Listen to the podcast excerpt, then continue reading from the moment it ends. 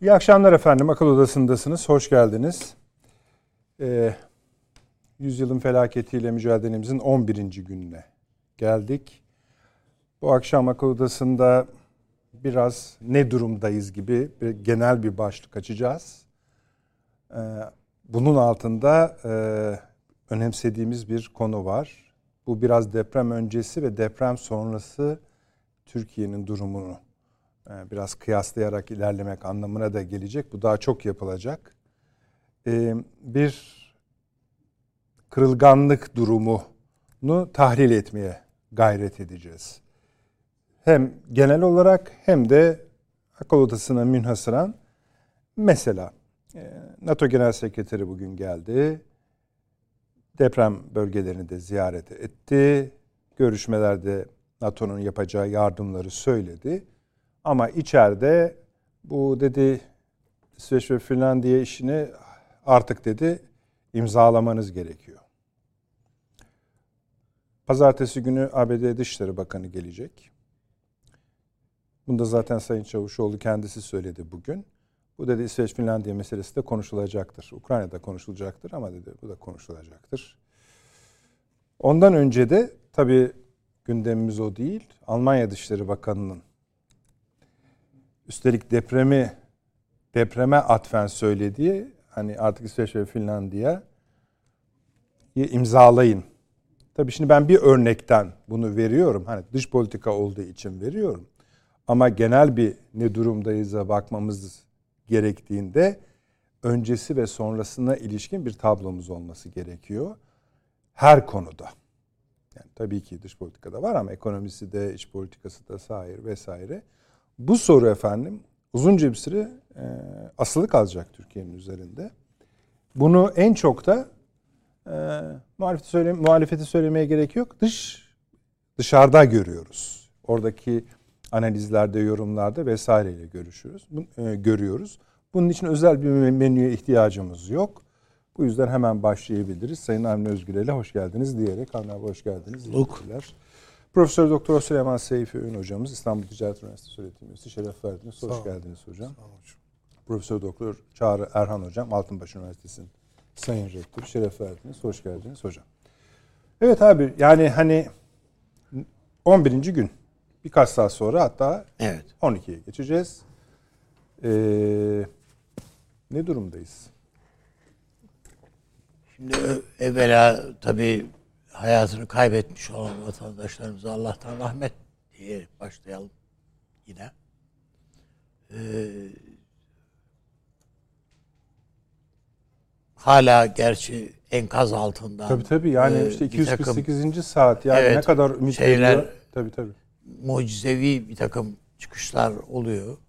Kurtarışlar oluyor ama bu tabii genel tabloyu etkilemiyor. Yani fevkalade çok sayıda insanımız hayatında hayatını kaybetmiş vaziyette. Şimdi elbette işte yaralılarımız var. Ee, efendim e, hala e, kurtarılmayı bekleyen veya da taşınmayı bekleyen işte olmasa Başkanı bile söz verdi. Bir kişi kalmayacak. Evet, enkaz altında kalmayacak elbette. Ama Mesele bundan ibaret değil. Yani tabii, tabii. diyelim ki 3 milyon insan mı etkilendi? 13 kaç milyon insan etkilendi bu depremden? 3,5 milyon 13 insan etkilendi. Hiç fark etmez. Sayısı da çok fazla önemli değil ama Maraş sendromu diye bir şey yaşayacağız biz. Yani nasıl efendim Batı'da, Avrupa'da, Amerika'da, şurada, burada bir şeyler sendromları olduysa birçok insanın ruhuna işledi bu. Ve ben de şimdi birçok çocukların da şuur altına kaydoldu bu. Ben bunu te, televizyonda bir yani çocuk diyelim e, bir kız çocuğunun ben bir daha böyle bir şey yaşamak istemiyorum. İstemem. Onun için buradan gidelim diyor. Filan yani bu tarz konuşmalar. Onun için bunu bu bir ruhsal açıdan bir rehabilite olmayı gerektiriyor. Bunda elbette herkesin yani eğitim dünyamızın rolü var, olmalı. Siyasetin rolü var, medyanın rolü var. Bir sanatçı, oyuncu yani isim vermeyeyim hani toplumun tanıdığı bir e, şey o hanım kadın hanım kız diyor ki ekranda bu deprem tahlili yapan bir jeolog hocamıza hocam yeter diyor yani. Evet evet ben de onu gördüm. Değil mi? Yani hani içimiz bir, dışımız deprem bir, oldu. Bir dakikanı diyor. alabilir miyim? Şeyler evet, değil mi arkadaşlar? Yenilendi öyle yeni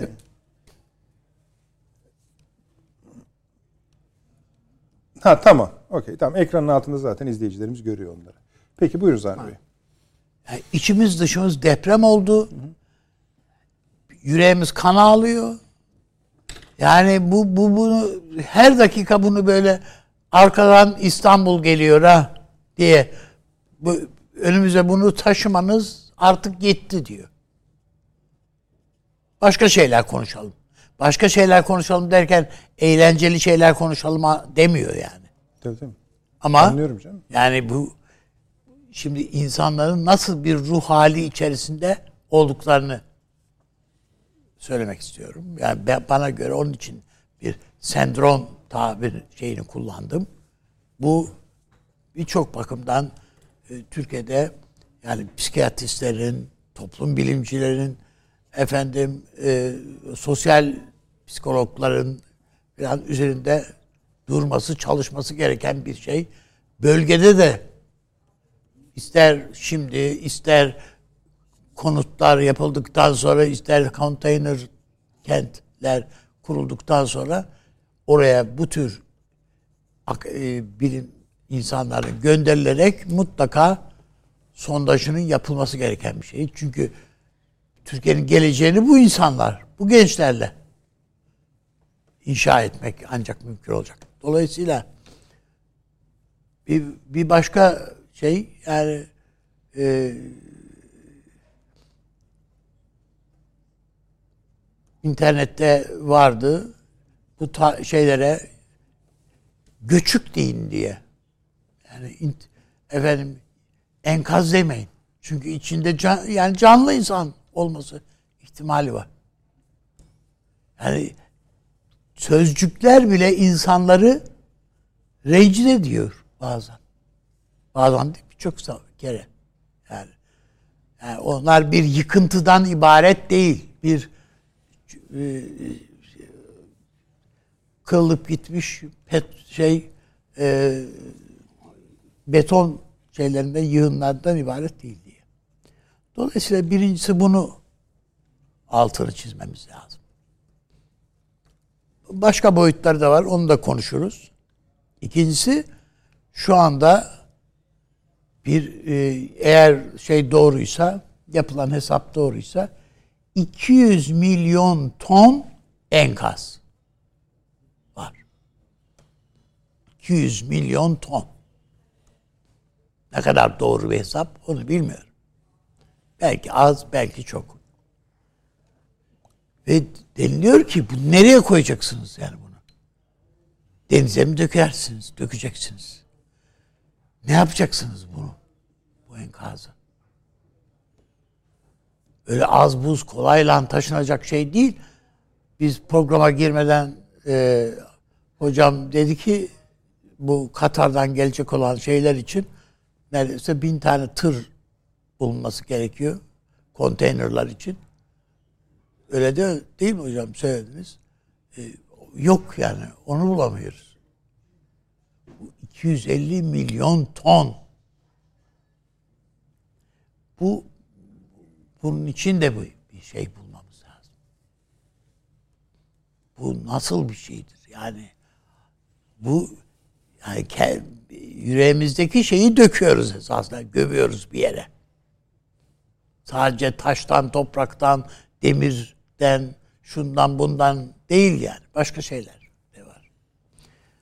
Dolayısıyla ben e, işin fiziki tarafı, ruhi tarafı bunlar var. Ama bir de önümüzde siyaset var yani. İşte. Bu, bu tabloyu tanzim etmesini beklediğimiz bir yönetim şey var, ortamı var. Bu da seçime hazırlanıyor bir tarafıyla. Bir tarafıyla da yapsak mı ki yapmasak mı ki ne bakıyor. Öbür taraftan işte üstüne e, altına elimizi elini uzattığı e, tablonun mali bir faturası var. Parasal bir faturası var. Buna bakıyoruz. Verilen hiçbir şey zam, para neyse işte filan karşı karşıya olunan yükü telafi etme yetmez gibi görünüyor.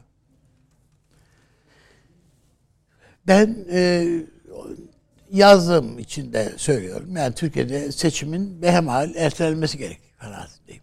Bunu söyledim. Ee, de, tabii buna aykırı olarak düşünen efendim işte anayasaya aykırıdır. Anayasa ancak harp halinde buna izin veriyor falan. Elbette bunların hepsini ben de biliyorum.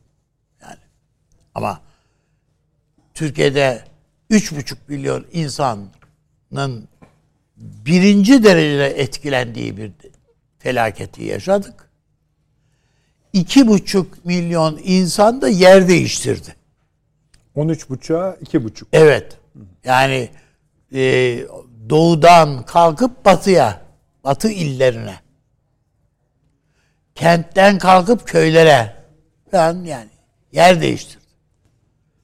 Bu insanlarla hangi seçmen listelerini hazırlayacaksınız? Hangi sandıklarda oy kullanacaklar? Bir de şimdi bazı karma, kargaşalıklar var ya ben üniversite öğrencileri üniversitelerinde mi kalacaklar yoksa hadi gidin dediler bunlar memleketlerine mi gidecekler yurtlarında mı kalacaklar? Yani böyle bir kargaşa zihin karışıklığı falan da var. Nasıl gideceksiniz burada seçime? Ve o seçimden nasıl bir sağlıklı sonuç çıkacağını ümit edebilirsiniz. Burada tabiatıyla ben şöyle düşünüyorum. Ee, Birçok konuda olduğu gibi inisiyatif almak Sayın Cumhurbaşkanımıza düşüyor diye benim kanaatim. Yani kendisi mesela geçen daha doğrusu dün e, bir yardım topa şeyi kampanyası vesilesiyle evet. bir çağrıda bulundu.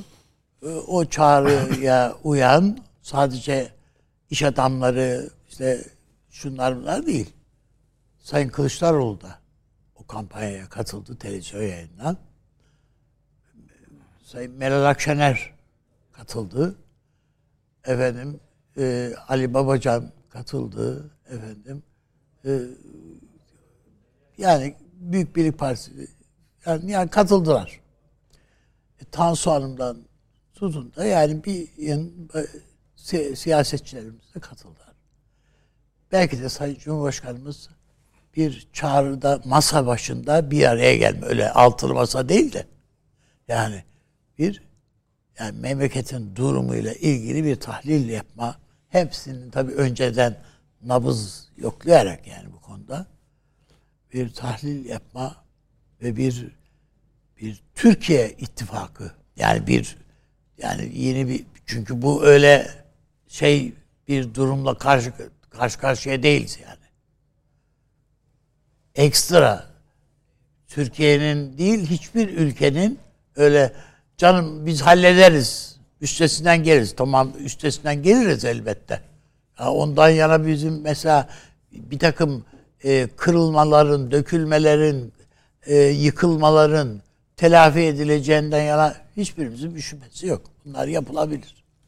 Ama onun ötesinde bu aldığımız yaranın bir topluca bir değerlendirmesi. Kim suçluydu ortaya çıkarmak diye değil. Maksadımız o değil. O olmayan, maksadı o olmayan ne yapmalı sorusunun Lenin söylüyor değil mi hocam onu ne yapmalıyı? Efendim. Evet, evet yani böyle bir ne yapmalı sorusunun müşterek bir sorusuna müşterek bir cevap arayışının öncüsü olabilir Sayın Cumhurbaşkanımız diye düşünüyorum. Açıkçası. Buradan Ve nihai bu, muradınız nedir? Bundan nihai muradım elbette seçimlerin makul bir süre ertelenmesi. ertelenmesi bütün siyasi tartışmaların bunun nihayetine yani çünkü ortak bir takım kararlar mutlaka sadece seçimi erteleme efendim. Ondan sonra kavgaya devam edelim. Hayır yok böyle bir şey değil. Ertelemekten ibaret değil sadece. Türkiye'de bir şeyleri ertelemek sadece seçimi değil bir e, eleştiriyi ertelemekten söz etmiyorum. Çünkü bu deprem sırasında yani verdiğimiz şey yaptığımız örnekler de var. Tanık olduğumuz e, Sayın Meral Akşener mesela Sayın Cumhurbaşkanımız o sırada deprem şeyleri sırasında arayıp şurada şöyle bir eksiklik var. Bunu bilginiz dahilinde olsun. İnsanlar şunu bekliyorlar deyince yani 24 saat içinde o yerine gelmiş mesela gibi. Ha diyeceksiniz ki canım Meral Akşener Cumhurbaşkanı'nı arama, aramasaydı da e, AFAD'ı arasaydı ne olurdu? Canım değil işte yani o bir Gayet farklı. Evet daha farklı bir şey yani. İşte bütün bunlar ben en azından Türkiye'de önemli yani görüyorum. Ee, Sayın Akşener'in de duruşunu, tavrını bu manada önemsediğim ve önemli gördüğüm için söylüyorum. Ee, ve öyle bir şeyin kapı açılırsa şayet çok gönüllü olmasa bile birileri dahi daha en, yani bir onun dışında kalmayı kalmanın zararına kendilerinin zararına olacağını düşünebilirler. Şimdi muradınız daha çok ortaya çıktı tabii. Evet gibi. Yani bu bunun bir şey olmasını ümit ediyorsak eğer ki öyle ümit ediyoruz. Yani bir e, sükunet çünkü bizim sükunete de ihtiyacımız var. Yani medyada bu sektörde çalışıyoruz. Bütün bu sektörde hepimiz işte televizyonlarda şimdi siz ne kadar arzu ederseniz edin bir müzik programı yapamıyorsunuz. Bir diziler yayınlanmıyor.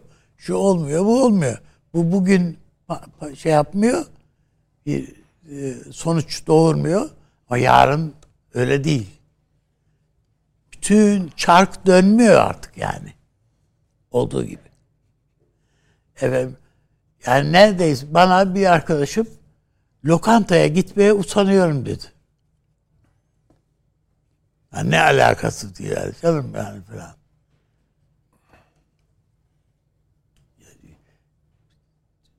Yani bütün bunlara baktığınızda e,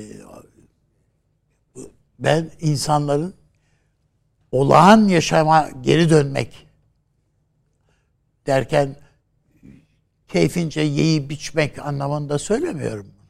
Ama olağan yaşa hayata hayata hayatın avdet etmesi manasında. Bunun mümkün olduğu kadar erken. Bir anda olması mümkün değil. 10 gün geçti şurada. Yani 10 gün lafın gelişi yani 10 gün deyince böyle yani ne olacak falan gibi. Yani bir haftada birazcık fazla. Her 10 gün her 24 saat kafamıza yumruk gibi indi yani. Müthiş bir 10 gün bu. Hani İlber Hoca diyor ya imparatorluğun en uzun yüzyılı ben Cumhuriyet tarihinin en uzun 10 günü bu. Daha uzunu yok. Hiç olmadı. Onun için e, ben e, böyle bir yumuşak geçişe yani ya, e, ya, yavaşlamaya ihtiyacımız var diye düşünüyorum. Bu iç politika tarafı. Evet. Ha tabii dış politika tarafı da var. Ya ona da gelebilirim. Açık bir şey soracağım. Türkiye'nin bu alandaki kırılganlığının arttığını düşünüyor musunuz beyefendi? Tabii tabii tabii. Ha. Yani Evet, peki. ama şöyle kırıl, kırıl- hem kırılganlığı arttı hem gücü de arttı olabilir. Yani bu sadece sadece kırıl tek boyutuyla kırılganlığımız yapa- arttı belki diye şöyle bakmayın. sorabiliriz. Onlar galiba biraz öyle görüyorlar. yani sizin iş dinamikleriniz bir çekirdeğe dönüşüyor, demir leblebiye dönüşüyor aslında ama onlar işte zaten Türkiye'nin kendi Bakın, sorunları vardı. Bir de bunun Şöyle bir üzerine- şey var. Hı hı, Buyurun. Doks- 100 ülke 90 mı 100 mü tam sayısını belli değil yani. Ba- Bazılarına göre 90 bazılarına göre 100'e yakın ülke Türkiye'nin yardımına ko- koştu. Ee, falan yani bu, bunu küçümsememek lazım. Taliban 50 bin dolar bağış için Poşetleri. Kamil Büyükelçiliğimize torba içinde, poşet içinde de yardım getirdi. Bu bu öyle kolayla şey yapılacak öyle canım ya işte falan ne olacak yani çok önemli değil yani zaten meblağ da çok önemli değil falan gibi. Hayır öyle değil olay. Türkiye'nin yani işte çeşitli büyükelçiliklerimizin önünde açılmış değil mi? Yardım kampanyalarına iştirakler var. Türkiye dünyanın önemli sanatçıları Türkiye'ye destek için e, kampanyalara e, şey yaptılar, kapı açtılar. Bunların ben e, sadece efendim aa, işte bu e, e, İsveç'le e, Finlandiya. Finlandiya'nın şeyini imzalasın Ankara. Bunda baskı mı üretelim diye yapıldığını düşünmüyorum. Yani Birleşmiş Milletler Genel Sekreteri Türkçe, Türk televizyonlarına katılıyor değil mi yani? Gibi. Yani bütün bunlara e siz de e, programa girmeden saydınız işte Amerikan Dışişleri Bakanı Türkiye'ye gelecek, geliyor. İşte onun ötesinde de Türkiye'ye işte Almanya'dan, şuradan, buradan. Yani Türkiye'nin öteden beri e, şey yaptığı, planladığı bir takım dış politika e, hamleleri için bana göre e, olumsuz diyemeyeceğimiz ha, olumlu mu bunu bir fırsat olarak görmek anlamında söylemedim ama yani bir zemin e, var gibi görünüyor. Ne demek bu?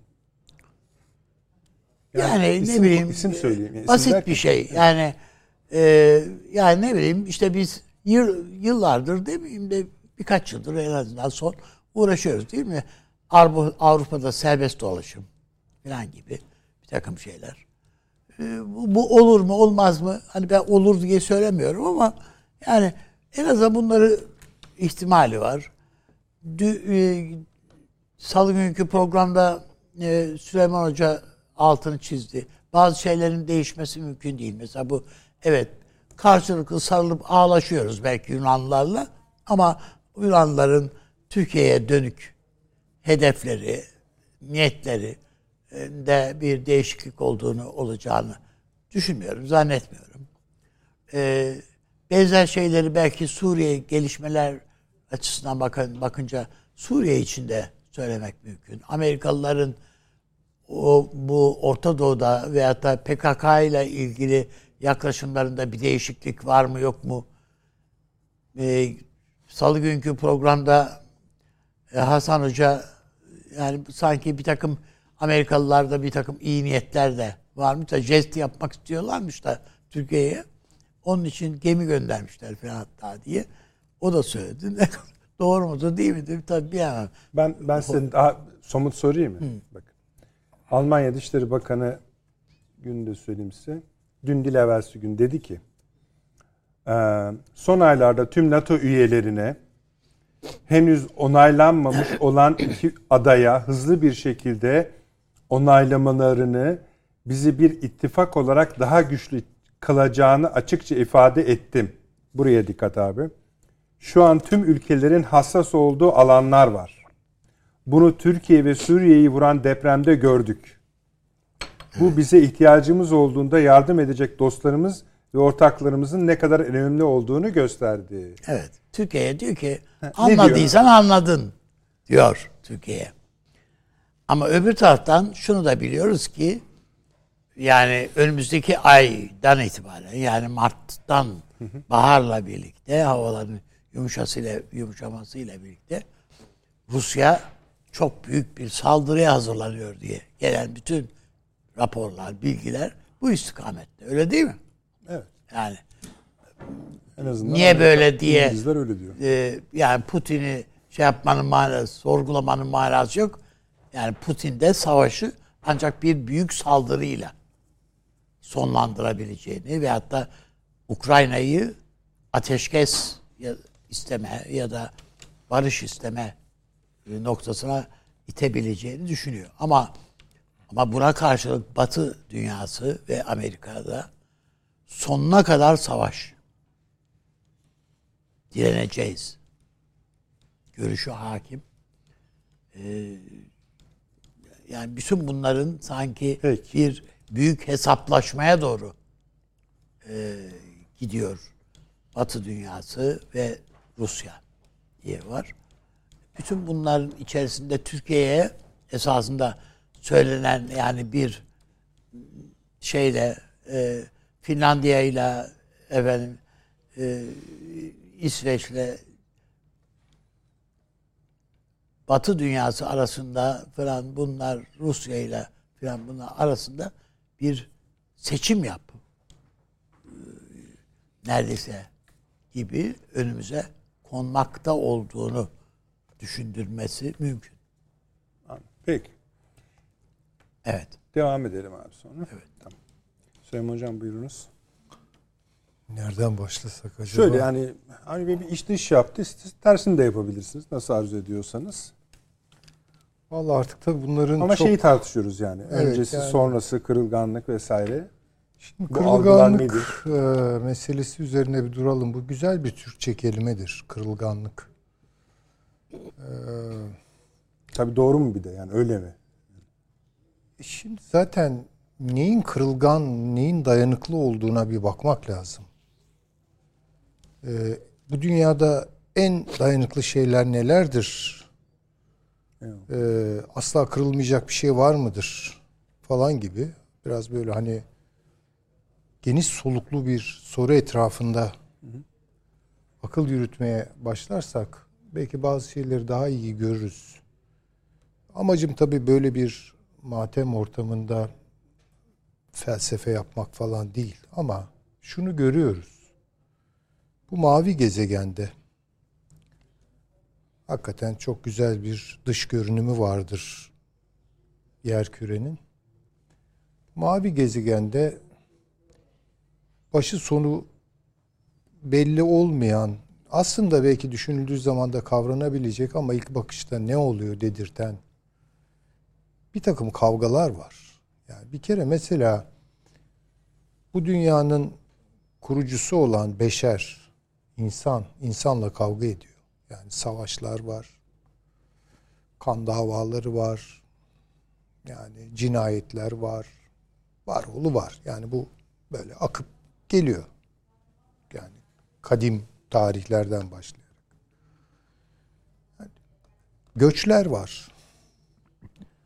Tarihi çok kırılgan yapıyor. Yani savaşlar var. Tarihi çok kırılgan yapıyor. Yani biz beşer bir dünya kuruyoruz. Ve bu dünya aslında çok kırılgan bir dünya. Yani bunu bir kere bilelim. Ee, kendi içinde kırılgan. Bir de onu kuşatan tabiat onu kırıyor. Yani tabiatla tarih arasında bir kavga var. Bakınız. Şimdi Amerika Birleşik Devletleri bir an gözümüzün önüne bir Viet şeyi getirelim affedersin. New York'u falan, Manhattan falan.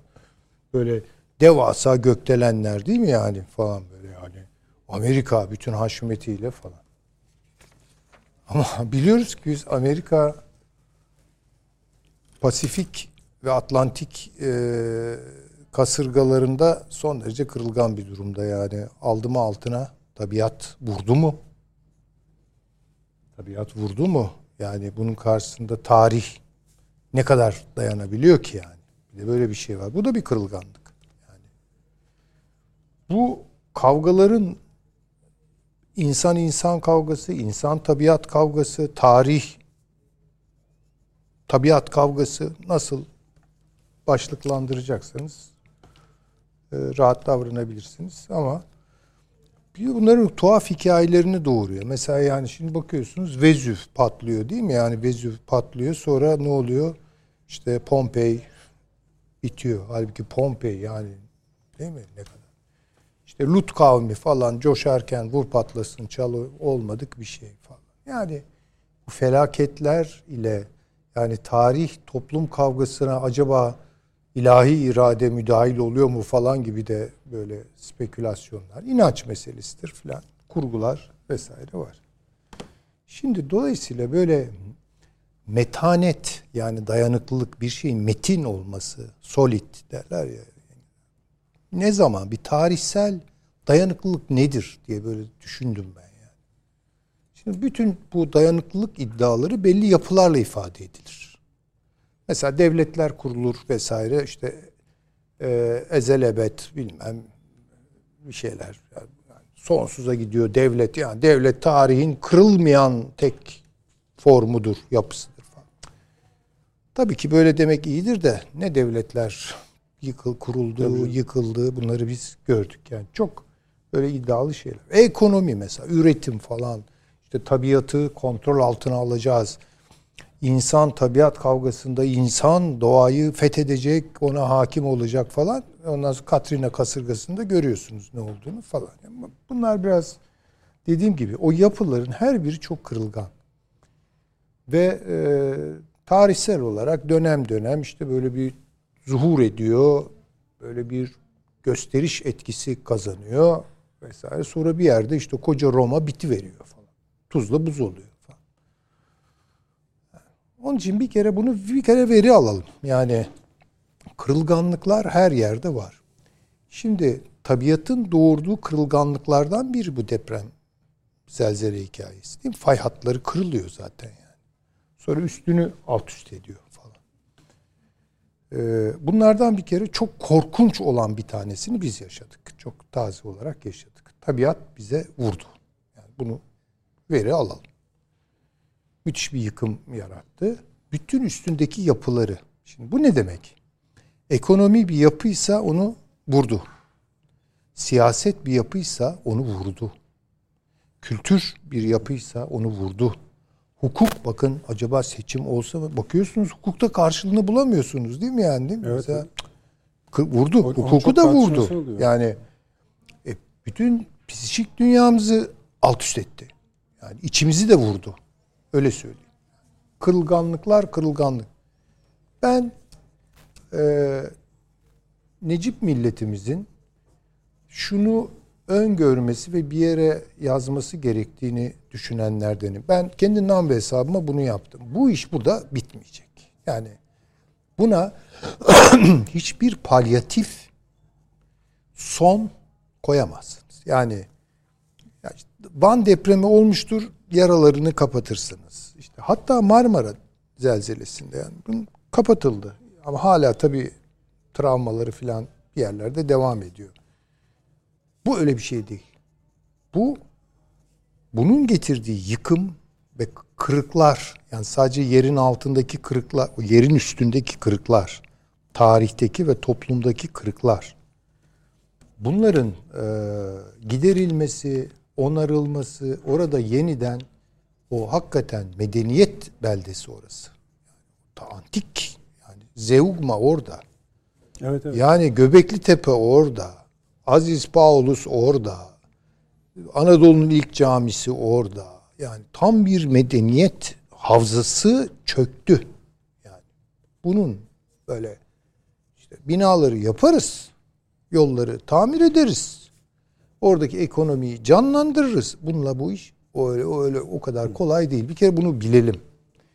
Çok büyük özveri herkesin çok büyük fedakarlık yaparak öyle adeta hani dişini sıkarak ve dişinden tırnağından vererek ayağa kaldırmaya doğru çaba sarf ettiğimizi düşünelim. Bu bile 10 yıllar alır yani Onu söyleyelim. Şimdi daha vahim olan bir şey var. Bu kırılganlık dünyanın da en kırılgan olduğu dönemde yaşandı. Yani acı olan ve beni en çok düşündüren şey o. Yani doğru düzgün bir dünya sistemik işleyişi olur, kurumları olur dünyanın falan. Yani.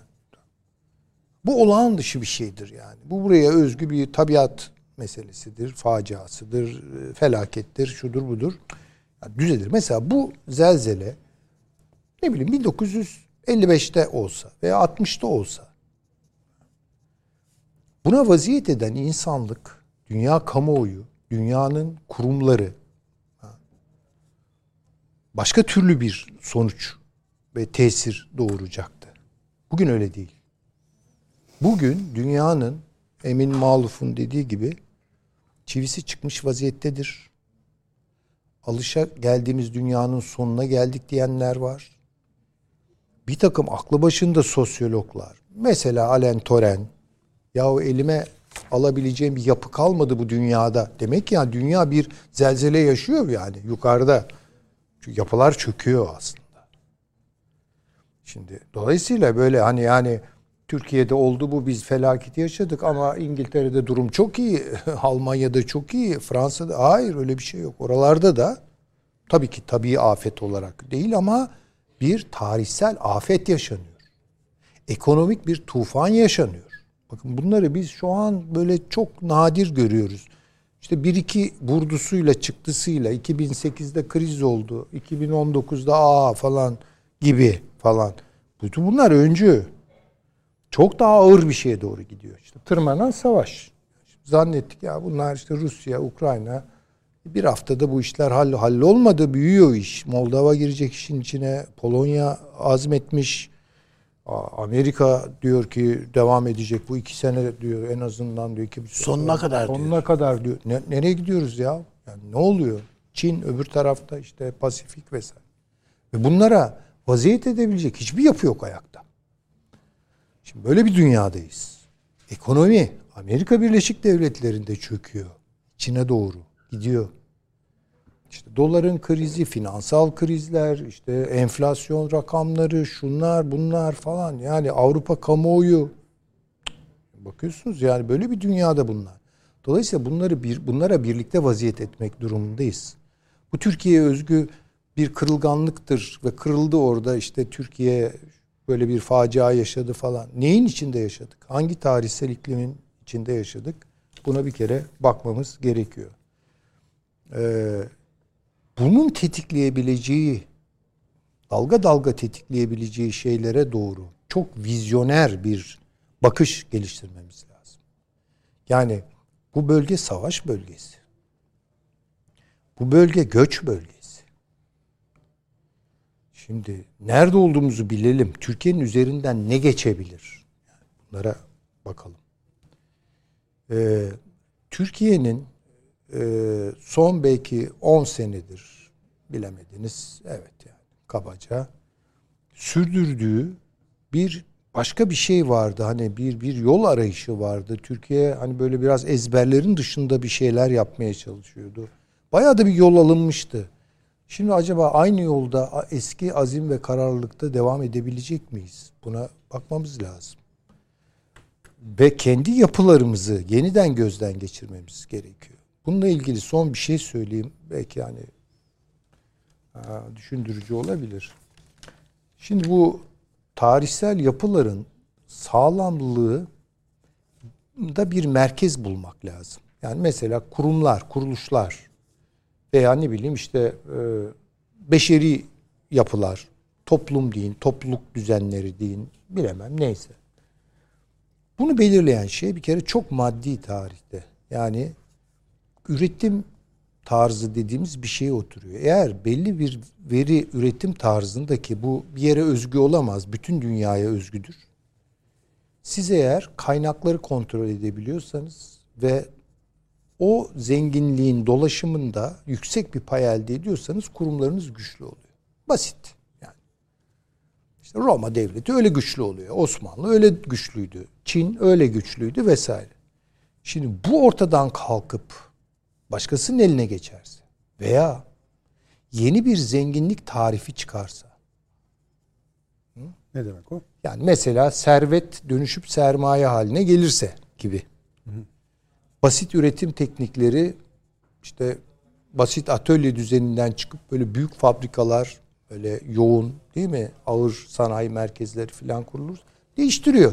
O zaman eskiden merkezde olan periferiye düşüyor, kenara düşüyor, kaybediyor. Çin bitiyor, Hint bitiyor. Biz ayağımızın altından gitti bütün coğrafyamız falan. Şimdi o başka bir dünya ve başka türlü ölçüler üzerinden devletler yeniden tarif ediliyor, topluluklar yeniden tarif, insan yeniden tarif ediliyor vesaire. Şimdi bizim şu an idrak ettiğimiz dünyada küresel kırılganlık nerede?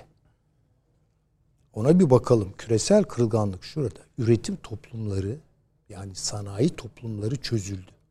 Sanayi toplumları çözüldüğü aşamada hiçbir kurum, devlet, ulus öyle bir zamanlar olduğu kadar iddialı ve ben kırılgan değilim, ben sağlamım falan değil. Bakın İngiltere'de İskoçlar bize ayrılacağız diyorlar. İngiltere'nin başında Demakles kılıcı gibi duruyor bu. Yarın Galliler de kopacak. Değil mi? İngiltere pat bilmem nereden çıktı, Avrupa'dan çıktı. Yani herkes o fay hatları çalışmaya başlıyor tarihsel fay hatlarıyla tabiat ta, fay hatları arasında bu anlamda bir benzerlik de kurulabilir.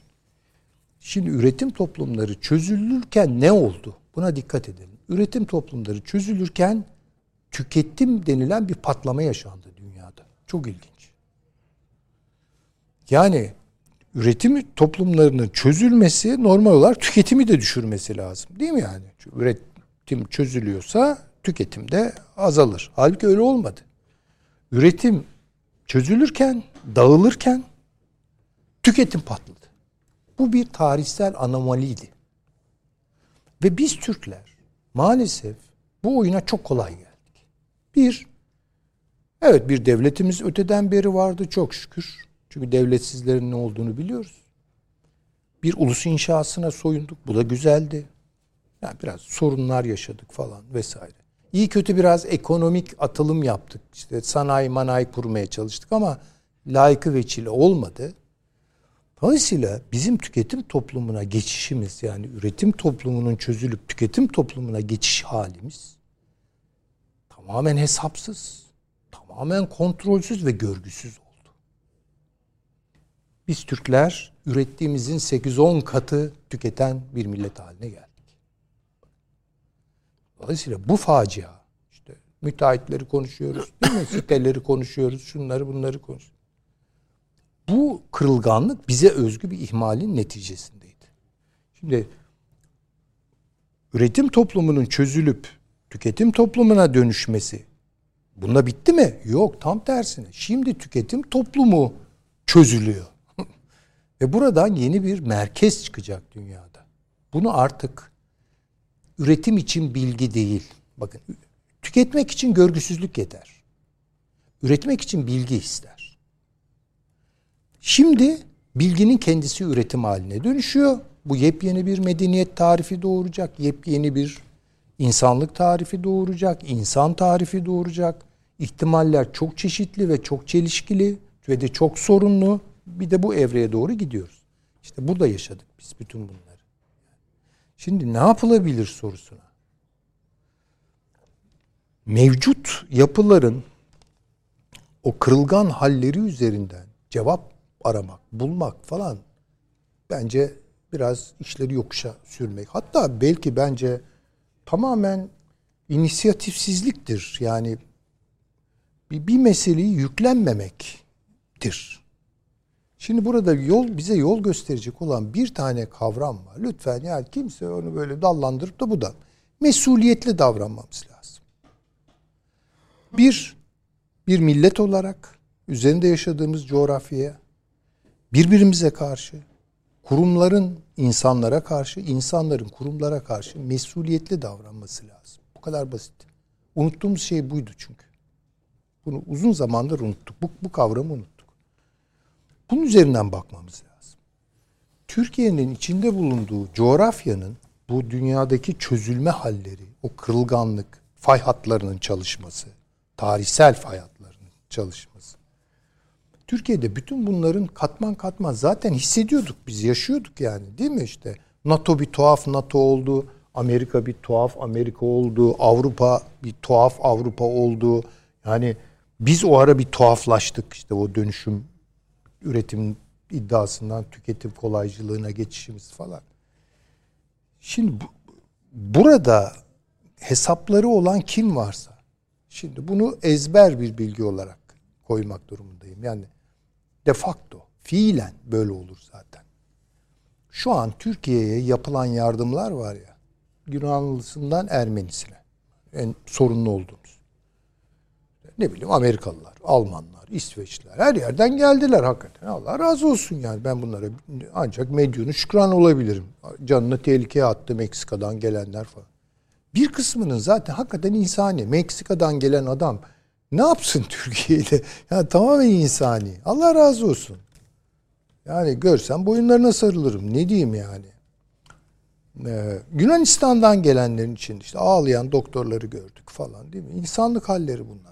Bunlar katliyen aldatmasın bizi. Tam tersine şu an siyasetçiler, oradaki karar alıcılar çünkü e, çivisinden boşal, boşalmış bir dünyada herkes vahşileşir. Yani şu an vahşi siyasetçiler yönetiyor dünyayı. Vahşi bunlar. Yani Dendias geliyor e, Türkiye'ye işte değil mi nazik bir ziyarette bulunuyor güya işte gönlümüzü alıyor falan. Dendias'ın Türkiye e, senaryoları değişti mi kafasının içindeki? Asla. Tam tersine bilendi. Yani bu timsah gözyaşları diye şeyler vardır. Ha. Bu burada gerçek gözyaşını kim döktü? Tabii ki Azeriler. Azeri Türkleri, Azerbaycan Türkleri döktü. Tabii ki Pakistanlı kardeşlerimiz döktü. Bundan eminiz biz çünkü bunlar bunlarla bizim et tırnak gibi olduk zaten yani. Ama başkalarından o kadar emin olamıyorum ben. Ha, onun için hani tabii ki medyunu şükranız, şükran borçluyuz. Eyvallah. İtirazım yok. Tam tersine bakın hemen işaret ettiğiniz şeyler. Türkiye'yi bu durumda yakaladılar ya. Ha, çok anlaşılır biraz kötü bir ifade kullanacağım ama üstümüzde tepinmeye geliyorlar. Şimdi bu saydınız siz şimdi NATO Genel Sekreteri geliyor.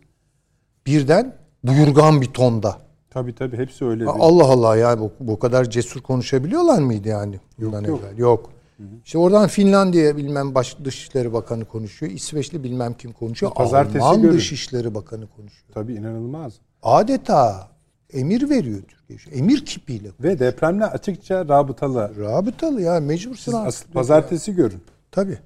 O ara tabii Almanya mahvoluyor ve bunda baş sorumlu da bu şu anki trafik lambası hükümeti. Ee, yarın nasıl bir bedel ödeyecekler bilmiyorum. Yani çünkü Tabii. Almanya'da da başka şeyler oluyor şu ara. Onları da takip ediyorum. Bir kış daha geçiremezler. Bir kış daha geçiremezler. neyse onu. Şimdi dolayısıyla üstümüze gelecek. Blinken. Koştura koştura geliyor. Ne? Ne yapmaya? Açık açık. Yani artık tehdit var bundan sonra. Türkiye'nin üzerinde.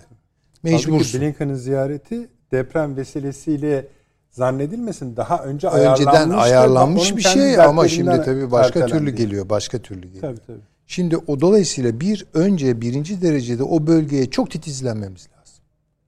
O bölgenin demografik yapısı, orada doğacak boşluklar, orada e, üretilebilecek e, çok nahoş bir takım senaryolar falan. Şimdi tabi bunları telaffuz etmek hoş şeyler değil ama herkesin ne dediğim herhalde iyi anlıyordur. Ee, orada hakikaten devletin bütün şeyiyle, e, kapasitesiyle öyle söyleyeyim, e, oraya hakim olması lazım. Bu, bu olmazsa olmaz. Ee, oraya hakim olmak bizi bir derece rahatlatacak. Oranın rehabilitasyonu, onarılması, ayağa kaldırılması vesaire gibi şeyler. Bakınız Lütfen aynı hataları yapmayalım. Yani. Lütfen betona bilmem neye gitmeyelim. Çok daha ucuz. Türkiye'nin nüfusunun bakınız bunu söyleyip kusura bakmayın çok uzatıyorum Sayın Hocam ama bitiriyorum. Türkiye'nin nüfusu Türkiye topraklarının yüzde üçünde birikmiş. Böyle bir sakatlık olur mu? Hani biz Japonlar gibi toprak fakiri oluruz da mecburen o yüksek binaları falan kurarız.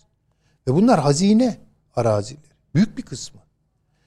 Niye devlet çok önemli bir adım atıp belli yerleri raporlayarak bakın buraya yerleşilir deyip orada insanlara bila bedel ya ne lazım gelir ya bu vatan hepimizin değil mi? Evini yapacağı iki katlı bir araziyi tahsis etmek bu kadar mı zor? Şu İstanbul'un nüfusunu dağıtmak, sanayimizi olduğu kadarıyla fabrikalarımızı deprem güvenlikli yerlere taşımak çok mu zor? Değil. Dolayısıyla sakın öyle düşünmeyelim. Yani oraya binaları yaparız. Millet gelir gene oturur, unuturuz, geçer. Böyle bir şey olmayacak. Fırsat bu fırsat. Çok büyük bir dönüşüm ve bize uygun bir dönüşüm ve çok daha ucuz maliyeti. Bunun planlarını yapan aklı başında e, mimarlarımız çok şükür var. Yani hesaplarını da çıkarıyorlar işte yani. Çok daha ucuza biz bunları halledebiliriz. Bu kadar para dökmek zorunda değiliz yaşadığımız evlere. Yani şunu soralım lütfen. Bu evler bize mi hizmet ediyor yoksa biz bu evlere mi hizmet ediyoruz? Bu noktaya getirdiler Türkleri. E bir takım çıkar grupları tabii ki. Sırf onlar kazanacak diye. Ve Hocam hatta bir Karın- parantez açayım size. Depremin izlerini silmek diye bir tabir. Çok yanlış. Silemezsiniz efendim. Öyle şey olmaz. Bakın bu carpe diem laflarını yasaklamak lazım. Hayat devam ediyor. Bakın böyle çıktık gene buraya geldik. Marmara de- depremi oldu. İşte bir matem ne yapacağımızı şaşırdık falan filan. Ondan sonra o e, tüketim toplumuna özgü bir takım sektörler şeysiz müşterisiz kalmasın diye çık ama hayat devam ediyor. Hayat nasıl devam ediyor? Ve unutuldu, unutturuldu. Bunu yapmayalım bu sefer. Tabii ki yani 100 sene matem sürecek halimiz yok ama bunu hiçbir zaman aklımızdan yani artık hayat devam ediyor. Carpe diem, anı yaşa, boş ver falan. Bö- Böyle böyle bir lüksümüz yok. Orada binlerce insanımız öldü bir çırpıda. Bir çırpıda. Onun için hani yepyeni bir bakışa ihtiyacımız var. Yepyeni bir vizyona, yepyeni bir kararlılığa. Her, hem içeride hem dışarıda. Eğer teslim olacaksak, çünkü bizi teslim almaya geliyor. Bundan sonra ben Türkiye'ye ziyaret yapacak herhangi bir batılı diplomat, bakan, öyle göreceğim. Teslim şartlarını konuşmaya geliyor. Peki. Teşekkür ediyorum hocam. Ee, bu arada tabii çok önemsiyoruz. Çok bizi mutlu ediyor. 258. saat mi arkadaşlar? Değil mi?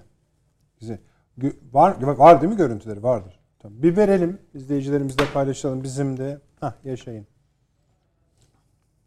258 Arnu abi. Müthiş bir şey. İşte yani mucize dediğimiz demekte yerden göğe kadar Neslihan herkes Kılıç- haklı. kaç yaşında arkadaşlar? Ha, bakın. Ha. Neslihan Kılıç kızımız. Öyle söyleyelim. İşte mucize. 158. Her türlü şeyin üzeri. Daha da gelecek inşallah. İnşallah.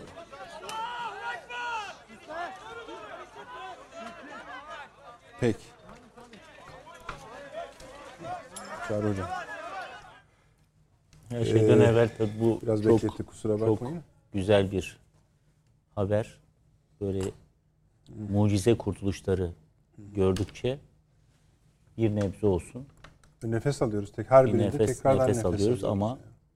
tabii binlerce insanımızı kaybettik. Allah'tan hepsine rahmet diliyorum. Yaralarımıza acil şifalar diliyorum. Daha büyük acılar yaşamamamızı niyaz ediyorum. Amin inşallah. Allah beterinden saklasın. Amin. David Fromkin isimli bir tarihçi yazar var. Meşhur Şeyi- bir kitabı var onun. Savaşa son veren. Barış'a son, Son veren, veren- barış. Ha, Barış. Kitabın 19, adı bu. 1914. Yok. Yok. Barış'a son veren barış 90'lı Versay yıllardaydı galiba. Sen anlatıyor. o onun 1914. 1919'daki Versay Anlaşması'nı anlatıyor. Diyor ki öyle bir barış yaptınız ki Birinci Cihan Harbi'nden sonra. O barış ihtimalini ortadan kaldırdı. İkinci Cihan Harbi geldi. Evet. Şimdi bu deprem her şeyi değiştiren bir şey oldu. Biz mesela Türkiye'yi tarif ederken dış politikasına medhal teşkil edecek, dayanak teşkil edecek, değişmez belirleyicilerini tarif ederken diyoruz ki tarih mesela. Değil mi? Değiştiremeyiz. Coğrafya değiştiremeyiz. Topografya, stratejik konum. Ve sonra anlatmaya başlıyoruz. Türkiye hem bir Balkan ülkesidir, hem bir Kafkasya ülkesidir. Hem bir Karadeniz, hem bir Akdeniz. Hem Avrupa, hem Asya, hem Orta Doğu ülkesidir. Türkiye'de hem otokton halklar vardır, hem de bir imparatorluğu kaybedilmişimiz esnasında göçüp gelen insanlar vardır. Bunların harmanlandığı, hocamın bahsettiği medeniyetlerin beşiği bir yerdir burası. Ve bizim asabiyemizi bu teşkil eder. Bu tarife artık Türkiye bir deprem ülkesidir ifadesini eklemek zorundayız. Biz bunu laf olsun diye değil. Ahmet Mete Işıkara nurlar içerisinde yatsın. Söyledi defalarca. Biz bu gerçeği iliklerimize kadar hissetmediğimiz sürece ana sınıfından ta ölene kadar biz bu gerçekle yüzleşmediğimiz sürece biz bunun üstesinden gelemeyiz. Çünkü şartlar da bunu zorluyor. O tüketim toplumunun, kapitalizmin gereği bu. Ne bu kardeşim her gün aynı şekilde. Ya yap sat ya. Ucuza mal et.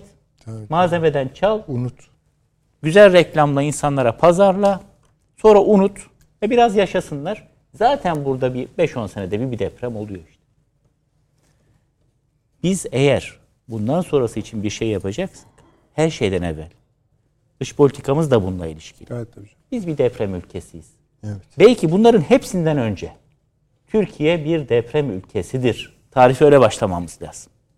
Çünkü şimdi dış politikanın yapılışında pek çok gaye var. Ama herhalde en önemli gaye milli menfaat değil mi? Yani ulusal çıkar için Tabii. biz toplumumuzun çıkarı için, halkımızın, milletimizin çıkarı için dış politika. Peki milletin çıkarı nedir? Sınırların güvenliği, ekonomik refah, huzur, değil mi? Devletin güvenliği. Ama her şeyden evvel can güvenliği. Can güvenliğini tehdit eden nedir? Düşman. Düşman bombası. Düşmanın işgali. Düşmanın kışkırttığı veyahut iç sebeplerle harekete geçen terörist unsurların koymuş olduğu işte bombalı bombalar. Bunların gerçekleştirdiği eylemler. Değil mi? Can güvenliğimizi kastediyor bunlar. Ama bunların hepsinden daha fazla öldüren bir de deprem gerçeği var. Evet. evet. 1984'ten bu yana PKK'nın öldürdüğü sivilden daha fazlasını bu depremler öldürdü. Bu depremlerde yitirdik. En az onun kadar büyük bir güvenlik tehdidi bu o zaman. Biz buna bir güvenlik sorunu olarak da bakmalıyız. Dolaylı meydana getirdiği, yol açtığı güvenlik sorunlarından bağımsız söylüyorum bunu. Bizatihi kendisi, kendisi. bir güvenlik sorunu. Artı Avni Bey'in de hocamın da ifade ettiği bundan istifade ederek ayrıca güvenlik sorunu meydana getiren, doğuran başka unsurlar da var. Ama bizatihi bu. Bunu bizim artık lamicimi yok, tartışmasız bir şekilde anlamamız gerekiyor. Bunu anlamak için hani her şeyi değiştiren şey diyorum ya, bunun her şeyi değiştiren şey olduğuna evvela inanmamız gerek. Hani klişe bir laftır ya, hiçbir şey eskisi gibi olmayacak. Eğer 99 depreminde sonrasında hiçbir şey eskisi gibi olmayacak sözü sadece sarf edilmiş ve havada kalmış bir söz olmasaydı bugün bu afet Olmuş. yine cereyan ederdi kuşkusuz. Evet. Ama böyle bir kayıpla karşı karşıya kalmazdık. Daha farklı olurdu. Dolayısıyla bizim böyle yola çıkmamız gerektiğini düşünüyorum. Elbette bunun Türkiye'de ekonomiden kamu yönetimine, afet yönetiminden dış politikaya pek çok etkisi olacak. Eğitime kadar pek çok etkisi olacak. Bunları ilk andan itibaren yaşamaya başladık. Ama madem dış politika boyutlarıyla ele almak zorundayız. Yok değilsiniz. Yani bütün ekonomisinde, iç politikasında bakın Avni Bey konuştu. Ee, şu anda depremle ilintili eğer şöyle bir cümle varsa ki ben katılmıyorum. Süleyman Hocam mesela onu gayet güzel pekiştirdi bence. Ee, teşekkürlü bir ta- şeydi, e, tarifti. Ee, kırılganlık bu alanların herhangi birinde olursa oradan yani mikrop zaten öyle bir şeydir. En zayıf yerinize doğru gider. Bunları var mı, nasıl olur, şu anda neye dikkat etmemiz gerekiyor ama onların ilk önce ne onları bir anlayalım. Siz mesela birinci sıraya dediniz ki bizzat kendisi zaten dediniz. Birinci sıraya depremin kendisini koydunuz. Zaten. Ben bundan sonrası için de Tabii, söylüyorum. buyurun. Yani bundan sonrası için Türkiye tarif edilirken Türkiye bir Balkan ülkesidir, Asya ülkesidir, şu ülkesi. Hayır. Bir, Türkiye bir deprem ülkesidir. Bunu birinci sıraya koymak zorundayız. Bunu da bir güvenlik meselesi olarak ben kendi zaviyemden bakarak söylüyorum. Güvenlik ve dış politika meselesi olarak da Türkiye bir deprem ülkesidir. Bunu koyup onun üzerine inşa etmeliyiz. Çünkü daha evvel çok depremler yaşadık. Bundan sonra da yaşayacağız. Böyle bir yerdeyiz biz. Yani efendim bundan sonra deprem olmayacak olanlar oldu bitti. Hayır. Olmaya devam edecek. Biz siyasetimizi buna göre belirlemezsek bugün tevessül ettikleri şey yarın gerçek olur. Şimdi kırılganlık Türkiye için değil herhangi bir devlet için böyle bir hadise meydana gelse tabii ki bir kırılganlığa sebep olur. Ama Türkiye'nin bir devlet tecrübesi var. Türkiye'nin bir milletçe bütünleşme geleneği var. Dün bunun en güzel örneklerinden birini gördük. Hiçbir kesim farkı gözetmeksiniz. Toplumun tüm kesimlerinden Kampanyayı insanların kampanyadan bahsediyorum. Yani 11 gündür zaten varıyla yoğuyla İstanbul'dan, Ankara'dan veyahut alandan yardım etmiş insanlarımız dün kalktılar bir daha bir yardım ettiler. Yetmedi bugün bir daha bir yer. Ben bugün biliyorum bu akşam itibariyle pek çok İstanbul'daki belediyelerde mesela konteyner oralara götürmek için bağış kampanyaları düzenleniyor. Dün vermiş adam, bugün bir daha veriyor. Şimdi bunlar bizim hep kuvvetli taraflarımız. Ama bundan istifade etmek isteyen, bu kırılganlığı biz tamir edemeden araya, o fay hatlarına takım manivaleler koyarak daha da onları ayırmaya çalışan, agite edecek, provoke edecekler olacak. Sahada bunu görüyoruz. Her gün bize geliyor, sizlere de geliyor. Aman ha diyoruz ya. Burada bir, bir kıvılcım çıkabilir.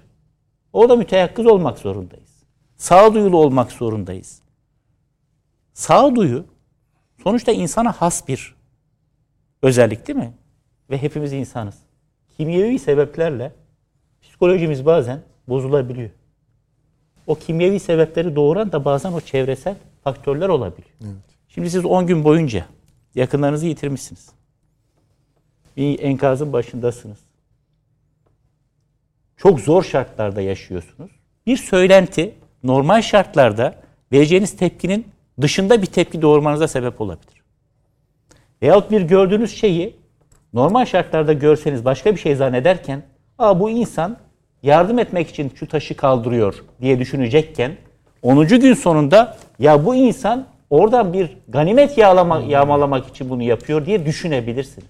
Birileri de bunu ajite ederse Allah muhafaza burada ciddi güvenlik meseleleri ortaya çıkabilir. Kırılganlıklar bunlar. İşte bizim bunu bir an önce tamir edebilme potansiyelimiz var. Bu potansiyelin hakikate dönüştüğünü de dönüşmekte olduğunu da dün aslında gördük. Bu bizi çok ümitlendirdi. İnşallah bu artarak devam edecek. Ama başkalarının çabaları ortadan kalkmayacak. Şimdi çok güzel ifade edildi. Tekrardan kaçınarak söyleyeyim. Bir defa biz daha geçen sene de bunları söylüyorduk. Bu sene de söylüyorduk. Neyle övünüyorduk son 5-6 senedir? Dünyada gayri safi milli hasılasına nispetle en fazla insani yardım yapan ülke Türkiye. Miktar olarak ikinci ama kelle başına yani şahıs başına gayri safi milli hasıla olarak şahıs başına baktığınız zaman birinci ülke. Şimdi bu ülke dünyadan en fazla yardım alan Evet, yüz ülke, ülke. oldu. 100 ülke getiriyor, yardım veriyor. Biz nasıl başkalarının yardımına koşuyorsak ki Güney Amerika'da da bir hadise olduğunda buradan yardım gitti.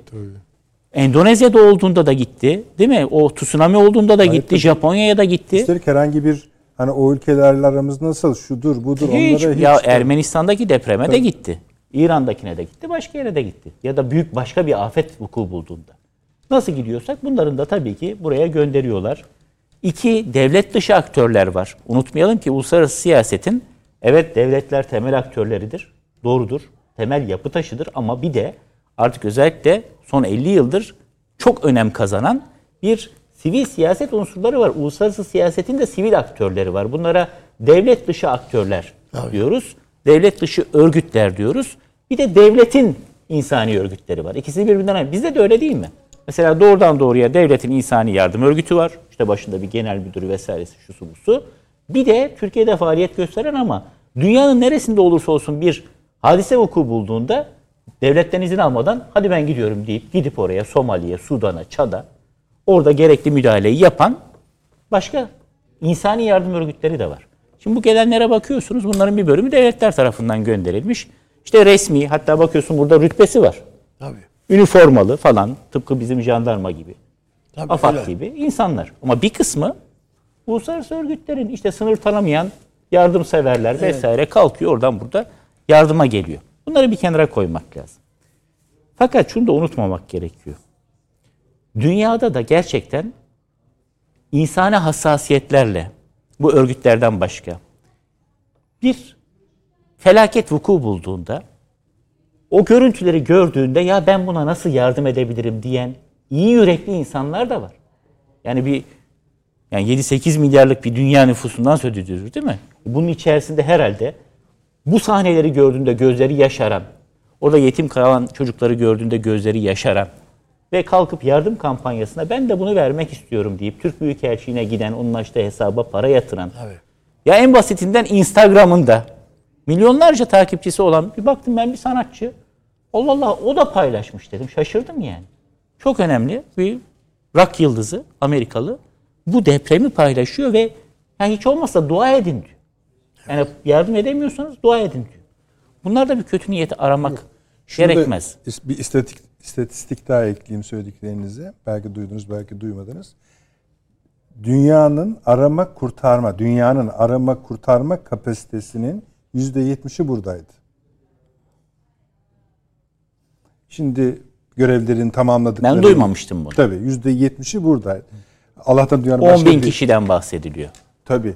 İşte bu yani yüzde otuz daha ekleyin bütün kapasite zaten aslında makul de gelebiliyor. Şimdi görev yer, görev alanlarını bitirenler falan dönüyorlar. Alkışlarla da ikramlarla Şimdi da bunları bir kenara koyalım. Hepsinden Allah razı olsun. Eyvallah. Yani kendi meşreplerince hepsinden Allah razı olsun. Ee, çünkü böyle durumlarda bir delikli kuruşun kıymeti vardır. Bir ağlamakta olan çocuğa göndereceğiniz bir oyuncak ayının kıymeti vardır. Ve onların karşılığının ne olacağını biz hesap edemeyiz. Onun başka bir tarafta hesabı ayrıdır yani. Ama bir de başka bir mesele var ki Stalin'in dünyanın en büyük gaddarlarından biri. Diyor ki bir ölüm trajedi, bir milyon ölü, ölüm istatistiktir diyor adam. Bunu soğukkanlılıkla söyleyebilen bir adamdan söz ediyoruz. Ukrayna'daki biliyorsunuz o 5 milyon kişiyi öldürdükten sonra Harbiden. söylediği laflardan bir tanesi. Ha, bugün öğrendik ki bizde söyleyenler de varmış. Neyse Şimdi- girmeyelim de. hani. Bilmiyorum ben duymadım. Ama böyle soğukkanlılıkla şimdi yaklaşıyor hadiseye. Buna canilik deyin, şunu deyin, bunu deyin. Bir ölüm trajedi diyor yakınınız. Ama bir milyon işte öldü. E ne oldu? Bir iki milyon öldü diyor mesela. Bir ile iki arasında bir milyon var. Kaç kişi öldü? Birkaç yüz bin. Maalesef bütün etik değerler inşa çabalarına rağmen bugünkü uluslararası düzenin üzerine inşa edildiği söylenen Birleşmiş Milletler sisteminin bütün temel değerlerine rağmen uluslararası siyasetin, dış politikanın yüzü sıcak, kalbi soğuktur. Elbette size telefon açıp geçmiş olsun dileklerini iletecekler. Bundan daha tabii bir şey olamaz. Ama bu dış politika kararlarında size daha fazla hak verecekleri, bugüne kadar savundukları tezlerinden vazgeçecekleri manasına gelmediği gibi sizin zayıf durumundan istifade ederek o tezlerin neticesine ulaşması için üzerinize daha fazla gelmelerini de engellemeyecek. İlk günlerin sıcaklığıyla ah ne kadar güzel bak gördünüz mü dediğimiz konuların aradan birkaç ay geçtikten sonra aslında ne maksatla gerçekleştirilmiş olduğunu görecek. O ilk günlerdeki tepkimizden dolayı belki kendimizin tepkilerinden pişmanlık duyacağız. Bunların olmaması için bizim uluslararası siyasetle insani münasebetlerin birbirinden ayrı mecralarda akıp gittiklerinin farkına varmamız lazım. Unutmayalım ki tarihinin en büyük savaşlarından biri olan Birinci Cihan Harbi'nde ki bazı rakamlara göre işte gribi falan da katarsanız 50 milyona kadar çıkıyor ölü sayısı. Birinci Cihan Harbi'nde birbiriyle savaşan üç büyük ülkenin lideri kuzendi birbiri. Çar II. Nikola ile Kaiser Wilhelm birbirinin evet. kuzeniydi. Teyze oğluydu ikisi. Birbirlerine sevgili kuzen diye hitap ediyorlardı. Birbirlerini yok etmek için 4 yıl boyunca savaştılar. Dolayısıyla kardeşlik, akrabalık, dostluk, yardıma koşma, bütün bunlar insani değerlerdir, insani vasıflardır.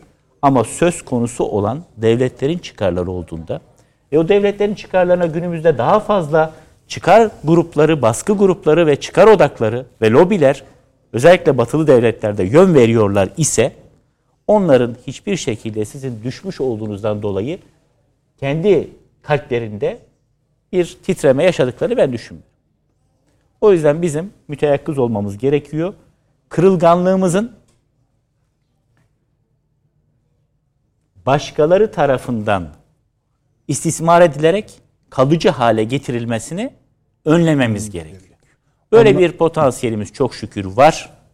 Toplum olarak geçmişte, millet olarak geçmişte benzeri hadiselere çok maruz kaldığımız için bunların arkasından neler gelebileceğini bildiğimiz için biz hep şu ana kadar hep dışarıya odaklandım ama dışarıda size dönük bu tür emeller besleyenlerin içeride işbirlikçileri olmadan bu emellerine ulaşması da mümkün değil. Bunları da bildiğimiz için ben bunun üstesinden gelebileceğimizi düşünüyorum. Bir cümle daha ekleyeyim bitirmeden isterseniz. Yani Çağrı Hocam şimdi bir de onların mesela Türkiye'deki seçime ilişkin beklentileri, temennileri vardı. Türkiye'nin dış dışarıyla ilişkilerinde bekledikleri timingler vardı. İşte İsveç'tir, Finlandiya'dır, Ukrayna'dır, Suriye'dir. Şimdi bu o, o temennilerle buluştu onlara göre. Yani hani siz dediniz ya şimdi gülerler sonra ama zamanı gelince hayır ikisini birlikte yapıyorlar şu anda. Şimdi yani tabii, mesela görüşmeleri biliyoruz. Mesela bugün gelen görüşmede bu ikisi birlikte yapıldı. Valla o zaman Türk milletini tanımıyorlar. E tam o da bizim avantajımız yani, zaten. Bizi çok iyi etüt edememişler herhalde.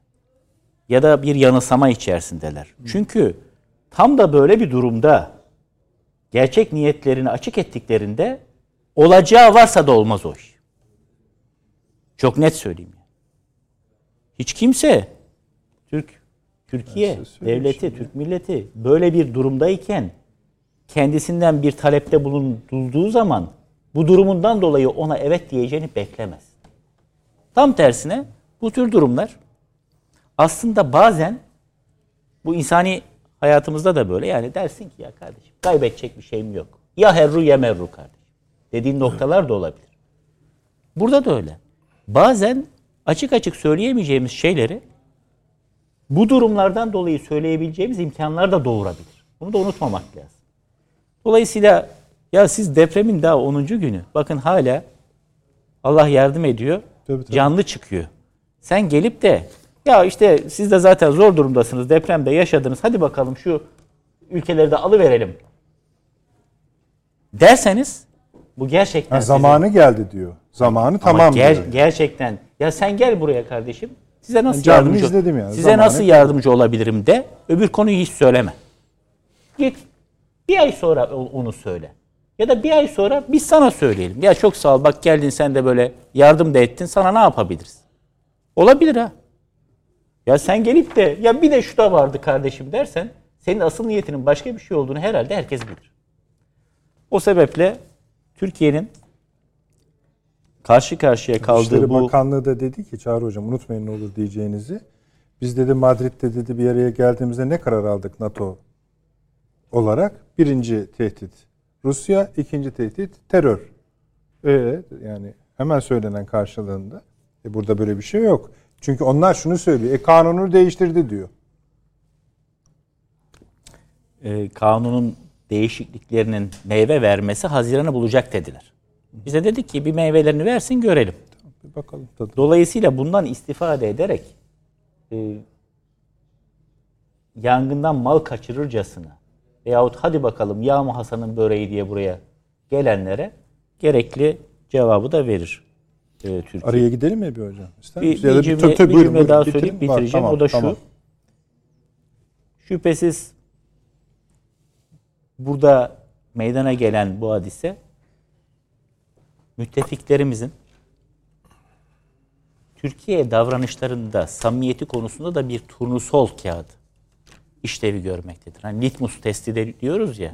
İşte asit mi baz mı biliyorsunuz. İşte mora dönerse Evet. baz oluyor. Kırmızıya dönerse asit oluyor. Şimdi siz görüyorsunuz. Mesela ya deprem olmuş burada neye ihtiyacı olur deprem yaşamış olan bir ülkenin? İşte Sahra Hastanesi'ne ihtiyacı olur.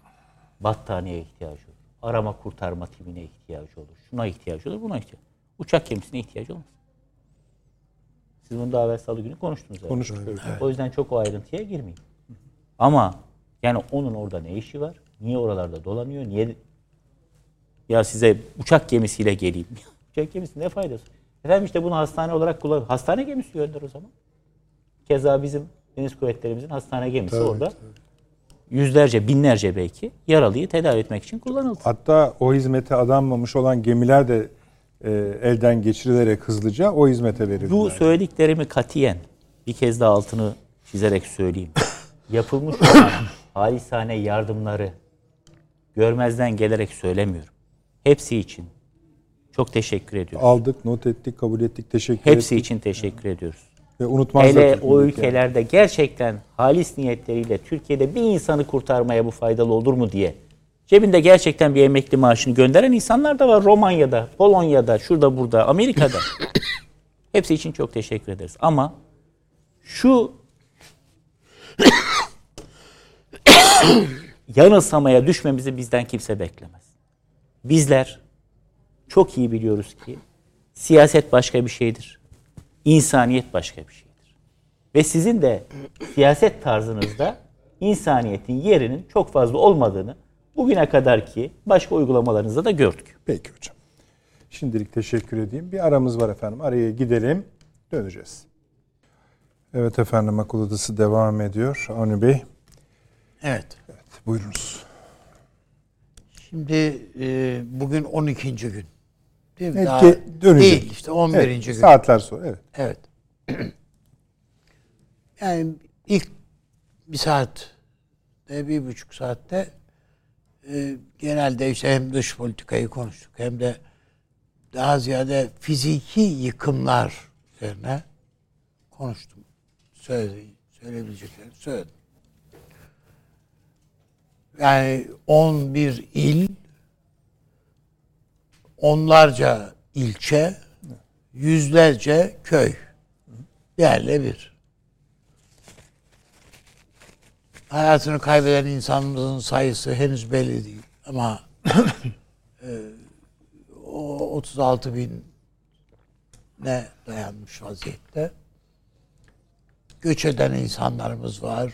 Yaralılarımız var. Şu var, bu var falan. Ve yıkılmadık yer kalmamış. Bütün bu coğrafyada deprem coğrafyasında.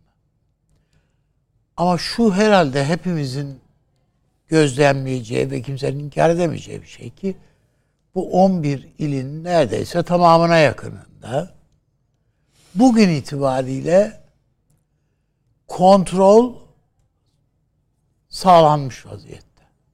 Yani bugünden başlamadı. Bir, Yani bugün itibariyle diyorum. Yani bugün baktığımızda e, dün veya evvelsi günden itibariyle hemen bütün yardım organizasyonundaki eleştirdiğimiz işte eksiydi, gediydi, efendim geldiydi, gelmediydi, şu vardı, bu yoktu falan tartışmaların hepsini bir tarafa aşarak, üstünden aşarak işte çadırından tutun da birçok noktasında e, işte yiyeceğine, ilacına, sağlık hizmetine, hijyenine varana kadar ulaşılmış, yeterli olmayabilir, eksiği olabilir ama ulaşılmış ve kontrol altına da diyebileceğimiz bir şey var.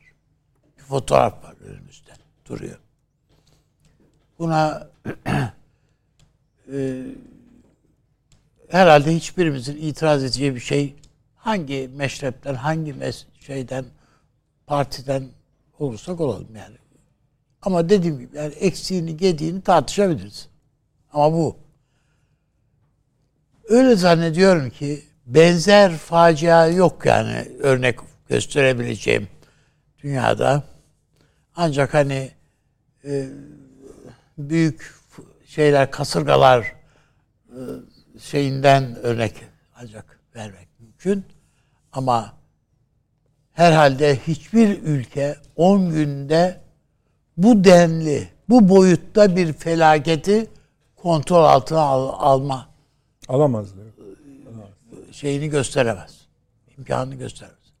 Bunu şu mu yaptı, bu mu yaptı, şu, şu mu başarılı, bu mu şey, bunu hepimiz başka şeyler söyleyebiliriz. Ama bizim milletimizin şurada e, hepimizin üzerinde konuştuğu milletimizin bir feraseti var ve bir e, refleks, tepki gösterme kabiliyeti var birçok şeye.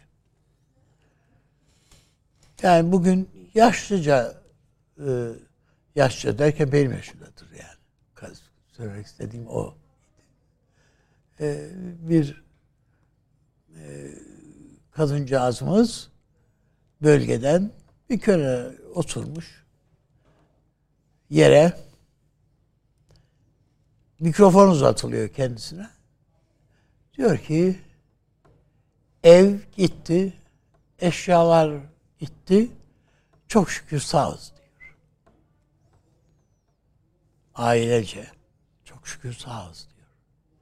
Şimdi bunu bu yaş tecrübesinde bir insanın ağzından yani bunu bir şey olarak duymak bu başka bir ülkede böyle bir şey olmaz. Bu ne küfürler ne kıyametler söylenebilir. Bunlar örnekler de var. Ha bizde de söyleyen vardır. Çıkabilir. Ama geneli bizim insanımızın yaklaşımı budur. Hastanelerde de bunları ay bu sözleri duyuyoruz, ediyoruz. Bu Türkiye siyasetinin başarısıdır diye söylemiyor. Bizim insanımızın Eyvallah. Hasletidir diye söylüyorum. Yani şu 10 günde bu noktaya bu toparlanışın yaşanması elbette bunda devlet çarkının e, isabetli dönüşlerinin katkısı mutlaka var bunda ama dediğim gibi o e, milletimizin e, refleksinin de çok büyük şey var, etkisi var diye düşünüyorum. Bu 10 günde sağlanan şeyi, gelinen noktayı, bunun manasını ve değerini eğer devlet mekanizmamız, siyaset mekanizmamız iyi değerlendirirse Türkiye yani beklentilerin çok daha üstünde bir hamle yapma kabiliyetini kazanabilir. İşte hocalarımız da ifade ettiler ya yani bun hani hep bu bir ders olabilir mi? Bu dersi olabilir. Üste, üstüne bir şeyler koyma şansımız olur. Süleyman Hoca bunun bir beton seferberliği ne dönüşmemesi gerektiğini ifade etti. Ben de aynı düşüncedeyim.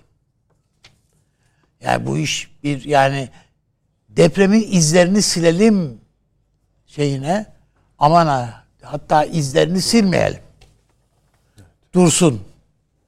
Gözümüzün önünde dursun felaket. Geçen programda da söylemiştim. Yani şimdi ilçenin adını vermeyeyim ama Güneyde Maraş'ın ilçelerinden birisinde yani bilmem ne rezidansı diye bir tabir benim yani 10 sene önce böyle bir tabir yoktu yani. Rezidans tabirini bilmiyorduk biz. Şimdi çıktı bu. Yani onun için bütün bunları değerlendirebileceğimiz ve bunun bizim önümüze şu üzüldüğümüz, içimizi kan ağlatan tabloyu bizim önümüze bunun taşıdığını eğer idrak edebilirsek bizim mahallemizde bakkallar vardı. O bakkallar yok artık. Bu hem de 10 sene önce vardı yani. Ha, yani bunu efendim 50 sene önce vardı da yok. Şimdi yok demiyorum. Ee, yufkacı vardı. 10 gün önce bizim mahallede baktık. Yufkacı kapanmış. Marketlerde var diyorlar poşet şeylerde ambalajlar satılıyor. Halbuki bizim bir taze taze orada yapılıyor. Sarılıyordu ve alıyorduk. İnsan yani hem bunların hepsi yok oluyor. Bizim anlam yüklediğimiz değerler teker teker elimizden kayıp gidiyor. Dünyanın en çok önemli yani burnumuzun dibindeki işte ülkelerinde diyor burada e, diyelim ki Yunanistan'ı örnek verelim. Atina'da kaç tane alışveriş merkezi var acaba? İçinde mi? Evet. Yok. Yok. Onu demek istiyorum. Bizde alışveriş merkezinden geçilmiyor ya. Atina'ya gitmiyor. Paris'te de yoktur. Londra'da ya yok. içinde. Ya, tabii bulamaz. şehrin içinde yok. Washington'da da içinde bulamaz. Dışına çıkacak. E işte. Ama Washington'da, New York'ta Türk bakkalı falan var yani. Bakıyorsun, buluyorsun. Yani her şey böyle. Biz az önce Süleyman Hoca'nın o tüketim çılgınlığı hem de üretmeden yani bu işin bir, bir, bir boyutu da tabii Süleyman Hoca'nın nezaketinden onu söyleyemiyor. Yani söylemiyor, söyleyemiyor değil de söylemiyor. Efendim bir üretmeden o tüketim şeyi çalarak o. Onun önemli bir arka planı var. Çalarak elde edilmiş bir servetin hovardaca harcanması. Bunun üzerine. Yani bakıldığında bu ancak bir takım başkaca ülkelerin böyle şey zenginlerinin o e, el değmemiş servetlerin harcanışını anlatıyor. İşte o harcanmanın bir bedeli, karşılığı bu. İnşallah bu bunların gerçek tablosunu, sonucun bizi buraya getirdiğini inşallah görmeye vesile olur. olur mu olmaz mı? Eğer olmaz ise aynı şeyleri tekrar ve tekrar yaşamamız mukadderdir. Hem de bundan sonrası daha ağır olur. Şimdi mesela endişe ediyoruz. Ya filancalar gelir de bize şunları dayatırlarsa ne olur filan. O zaman dayatmazlar. Biz zaten kendimiz av buyur diye masaya süreriz yani bunları. Yani bazı ülkelerin insanları o hale getiriliyor çünkü. Siyaset evet hocaların da efendim söylediği şekilde e, mekanizma bazen böyle çalışır, bazen başka türlü de çalışır yani. Bunun için e, Üç İstanbul diye bir romanımız var değil mi yani? Evet. Taçan Kuntay. Niye güldünüz hocam? Evet. Çok var işte. Müthiş bir şey. Onu bizim gençlerimize ne okutacağımızı bilmiyoruz biz esas. Okutmamız lazım bunları. Nasıl oldu bu işler diye. Neden oluyor diye bir hatta. Ya bir defa bir oku- yani bir, yani bunları bir elden geçirmek lazım yani filan. Ee, onun için ben e, her anlamda yani eğitim, gençlerimiz, şu bu hepsini bir kez daha elden geçirip ne yapmak gerekiyor? Siyaset içinde söylüyorum bunu. Aynı şey. Yani neyi yanlış yapıyoruz diye.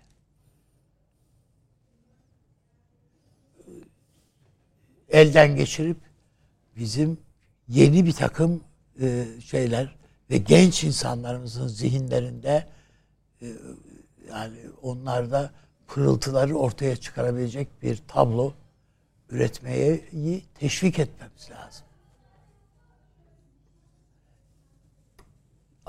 Aziz Nesin benim sevdiğim lafı var. Yani daha sonra bir röportajda söylediydi. Başımıza gelenlerden korkmadığımız için bütün korktuklarımız başımıza, geldi, diyordu. Evet öyle oldu. Eğer bunun böyle olmasını istemiyorsak devamında da böyle olmasını istemiyorsak mutlaka şöyle ya da böyle eğitiminden ticaretine, iş adamlığına varana kadar her şeyini ve az önce söyledim. Bu çok en kolay zenginleşme yolu kendi ülkesini soymaktır insan. Mutlaka bunun önünü kesmemiz lazım biz. Bu hevesin önünü kesmemiz lazım. Bakın ne diyorum? Tekrar bu hevesin önünü ke- kesmemiz lazım. Bu bir heves çünkü. Bunu yaptı mıydı? Dünyada herhalde bizdeki kadar çok sayıda müteahhit yok. Herkes müteahhit Türkiye'de. Yani bütün bunların bir sebebinin olması lazım. Avrupa'daki toplam müteahhit sayısının 3 katı sadece Türkiye. İşte gibi. Yani ben tam bilmiyorum. bildiğim. Ama Ha öyle mi? Tamam. ha? Ya zaten eş- eşit olmaları bile sorun da. Tabii tabii. işte yani bütün Avrupa'dakilerin de bunlar bir kısmı Türktür zaten. Yani herkes biraz işte bir mesleği var. Onu yapıyor. Biraz da müteahhitlik yapıyor. Ee, onun ötesinde fazla bir şey söylemeye gerek yok. Tabloyu esasında çok güzel e, her iki hocamız da koydular ortaya. Peki. Süleyman Hocam. İşte bu neden güldünüz oradan da yani 3 İstanbul'u Ee, şimdi niye güldüm? Ee, Yakın zamanda e, bir çok kıymetli meslektaşımla da konuşurken tesadüf ha, bu bağlamda Avni Bey'in niye söylediğini tahmin ettiğim için altını çizin diye. Yani o romanı eğer okurlarsa insanlar, okuyanlar da bence bir kez daha, değil okumalıdırlar. Tabii Doğrusu ben yani bir kere daha okumuştum okumak o romanı da. Yani evet çok etkilemişti beni ama işte zaman geçince hafıza ihanet ediyor. Bazı şeyleri unutuyoruz. Tekrar döndüm o e, kıymetli dostumun e, ikazıyla. Güldüm çünkü e, o roman bugün de yazılıyor, yazılmış olarak okunabilir. Bugünü anlatan o kadar çok şey var ki Tabii. içinde. Yani herkesin aynen. herkese ama dersi var. Yani böyle şey yok. Yani sadece bir taraf, öteki taraf falan öyle öyle değil yani. Herkese güzel birer Hakkını- iğne terapi yani evet öyle bir roman. Yani onu söyleyebilirim evet. Şimdi şey üzerinde duruyorduk Mithat da. Cemal Kuntay efendim. De Mithat hani Cemal işte Kuntay. Sormaya başladılar evet. Onun TRT'de de biliyorsunuz dizisi oynamıştı. Dizisi oynamıştı ama Dizisi, yani kitabını- okumak lazım. okumak lazım. Okumak Evet. lazım. Çünkü çok Ya da tekrar yapmaları lazım. Evet. evet. Şimdi bir kavram kullandım ben geçen e, sohbetimizde, top şeyimizde, e, programımızda. Yeni bir medeniyet tarifi. Şimdi ben bunu dedim ama yani ben sonra da düşündüm. Çünkü ben bu kavramı kolay kolay kullanmam. E, benim için kültür çok daha önemli bir kavramdır. E, analiz yapmak açısından ve akıl yürütmek açısından. Beşeri dünyayı çok kültürel olarak okurum ben. Yani ve medeniyet sanki böyle biraz ağdalı bir laf. Yani medeniyet falan. Şimdi bunu tasarruf edenler de yıldırmıştır beni. Yani işte medeniyet falan. Yani medeniyetimiz işte ceddimizin medeniyeti falan. Yani buna ne, ne diyorlar ben çok anlamıyorum açık söyleyeyim. Ama bu kavram çok kıymetli bir kavramdır. Çünkü e, bize bir şeyi hatırlatıyor. Medine şehir demektir. Oradan türer o. Yani eğer sizin adı şehir olan, lakin bir jungle'dan ibaret olan, herkesin birbirine yabancılaştığı, itiş kakış, kaba kaba yığıntılar, nüfus yığılmaları, onun içinde böyle kaba saba, yarı batık, yarı ayık sektörler, tuhaf tuhaf. Evet buysa medeni değilsiniz. Medeniyet davanızı kaybetmişsiniz demektir. Şimdi hayretler içinde bakıyoruz değil mi? Sinan'ın tabiata bakışına. O abideyi, o mabedi o tepeye konduruşuna. Yani öyle bir iş yapmış ki Sinan yani oraya bir bina koymamış. O sanki binayı onun içinden, toprağın içinden çıkarmış. Tıpkı bir ağaç. Müthiş bir şey. Nasıl bir hürmet tabii çevreye, ışık hesapları, kulak yememek. Mahalleye bakıyorsunuz yani Anadolu'da işte iyi kötü Kula'da falan vardır ya bir gide böyle iyi kötü kalmış o evet. e, müteahhitlerin hışmına uğramamış şeyler vardır. Küçük kasabalar falan. Bir ev yapılırken komşusunun ışığını kesmemeye çalışıyor. Bir sokağa yani bir ev yaparken sokakta komşusunun hakkını hukukunu gözetiyor. Bir sokak çıkıyor ortaya. Bu planlanmış bir şey değil. Ama hayatın içinden geliyor filan. Şimdi böyle bir cedde sahibi. Davranış alışkanlığı. Tabii, tabii. Şimdi bu bizim için bir nostalji konusu ve turizm işi. Yani böyle bir küçük doku bulup orayı turistik otel haline getirip falan. Biz ne yapıyoruz? Bize bir şey yok. Bir de müthiş bir abidat fetişizmi. Yani yetiyor bize işte camiler, silüet, İstanbul falan böyle. Ya o değil ki İstanbul bir perspektif konusu değil ki sadece. Bir, bir manzara fotoğraf değil ki. Yani o fotoğraflara konu, konu olmuş o pitoresk İstanbul'un bir doku olarak yaşadığı bir hayat var. Sokakları, şunları, bunları falan. Şimdi Ziya Paşa büyük şairdir. Zeki bir adamdır. Bilemem. Meşhur bir şiiri var biliyorsunuz. Gitmiş, garbı gezmiş. Ha köşkler, kaşhaneler görmüş. Bir gelmiş ki şarka büsbütün viraneler. Şimdi bak buradan başlıyor. Bir kendinden utanma. Gezdim Frengistan'ı kaşhaneler gördüm. Gördüm falan. Gelmiş viraneler buraya gördüm. viraneler. Bu millet kendi medeniyetinden utandırıldı. Utandırıldık. Ayıp yani. Öyle evlerde yaşamak ayıp, öyle sokaklarda yaşamak ayıp. Ya bir gidiyorsunuz batıda böyle geometrik şeyler, sokaklar, ışıl ışıl bilmem ne.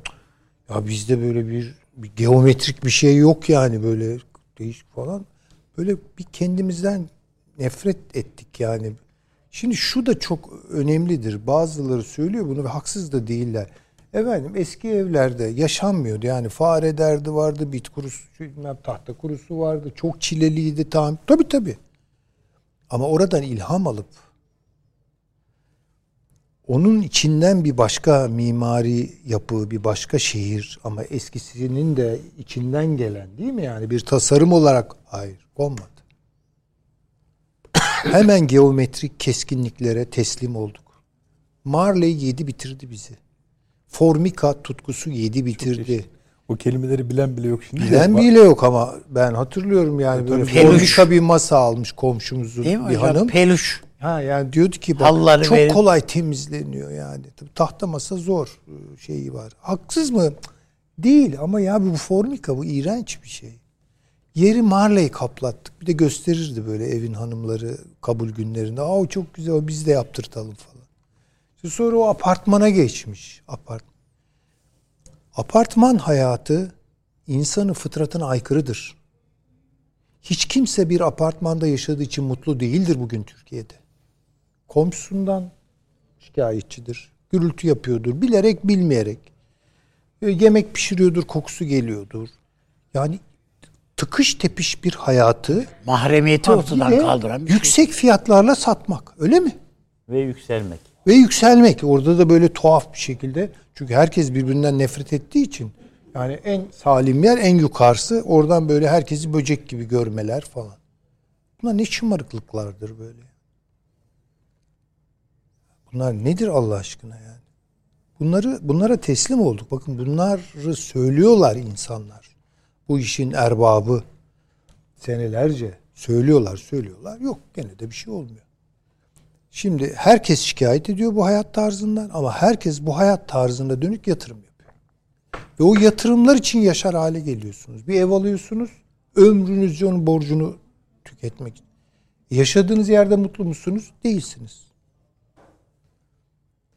Şimdi bunlarla medeniyet olmaz. Bunlarla medeniyet olmaz. Yeniden çevremizi, mekanımızı buna göre dönüştürmek zorundayız. Ve yeni yeni şehirler bakın bu, bu, bu İstanbul'u Allah muhafaza yani şimdi tamam o tiyatrocu hanımefendi doğru söyledi yani bana da sıkıntı geliyor deprem mühendisleri konuşuyorlar bilmem ne. E ama realite bu. Konuşmayalım mı bunu? Yokmuş gibi mi davranalım? İstanbul için böyle bir tehlike var mı önümüzde? Var. Var. Ve İstanbul bu şekilde sürdürülebilir bir şehir değil. İstanbul'u hafifletmek zorundayız. Bu, bu kaçınılmaz. Oraya yeni nüfusları biriktirecek işler yapmayalım. Dikine mimari falan bırakalım bunları. Şimdi öyle şeyler duyuyorum ki yani ama İstanbul ne yapsın? İstanbul'da tabii dikey mimari olacak diyor. Ya sen bunu bir şehirci olarak mı söylüyorsun? Yok uzmanın biri. Bir bir şeyde uzman. İstanbul'a mecburmuşuz e, şey bir dikmeye. Yani ne yapalım? Böyle bir şey var. Ne yapalımı var mı? Dolayısıyla yani bu şehri hafifletmek zorundayız ve şu Marmara'ya yığıldık. Yani bu nüfusu yaşatacak Allah'a şükür hala coğrafyamız var, toprağımız var. Yeşil alanları mahvettik. Yani Türkler hep böyle yamaçlara yaparlardı evlerini. Öyle. Değil mi? Yani ovayı pek biz Sonra indik aşağıya. İnişimiz böyle oldu ama. Çamurun içine battık ve çamurun içine binalar yaptık. Dere yataklarına. Hala yapıyoruz. Ya bütün bunlar artık yani bir yerden sonra e ama yani taşınabilir olmadığını bu felaket bize gösterdi. Yarın Allah muhafaza daha kötü şeyler yaşayabiliriz. Dolayısıyla orayı yeniden ihya edip şenlendirmek, bina yapmak 8 katlı, 10 katlı, 5 katlı fark etmez yani.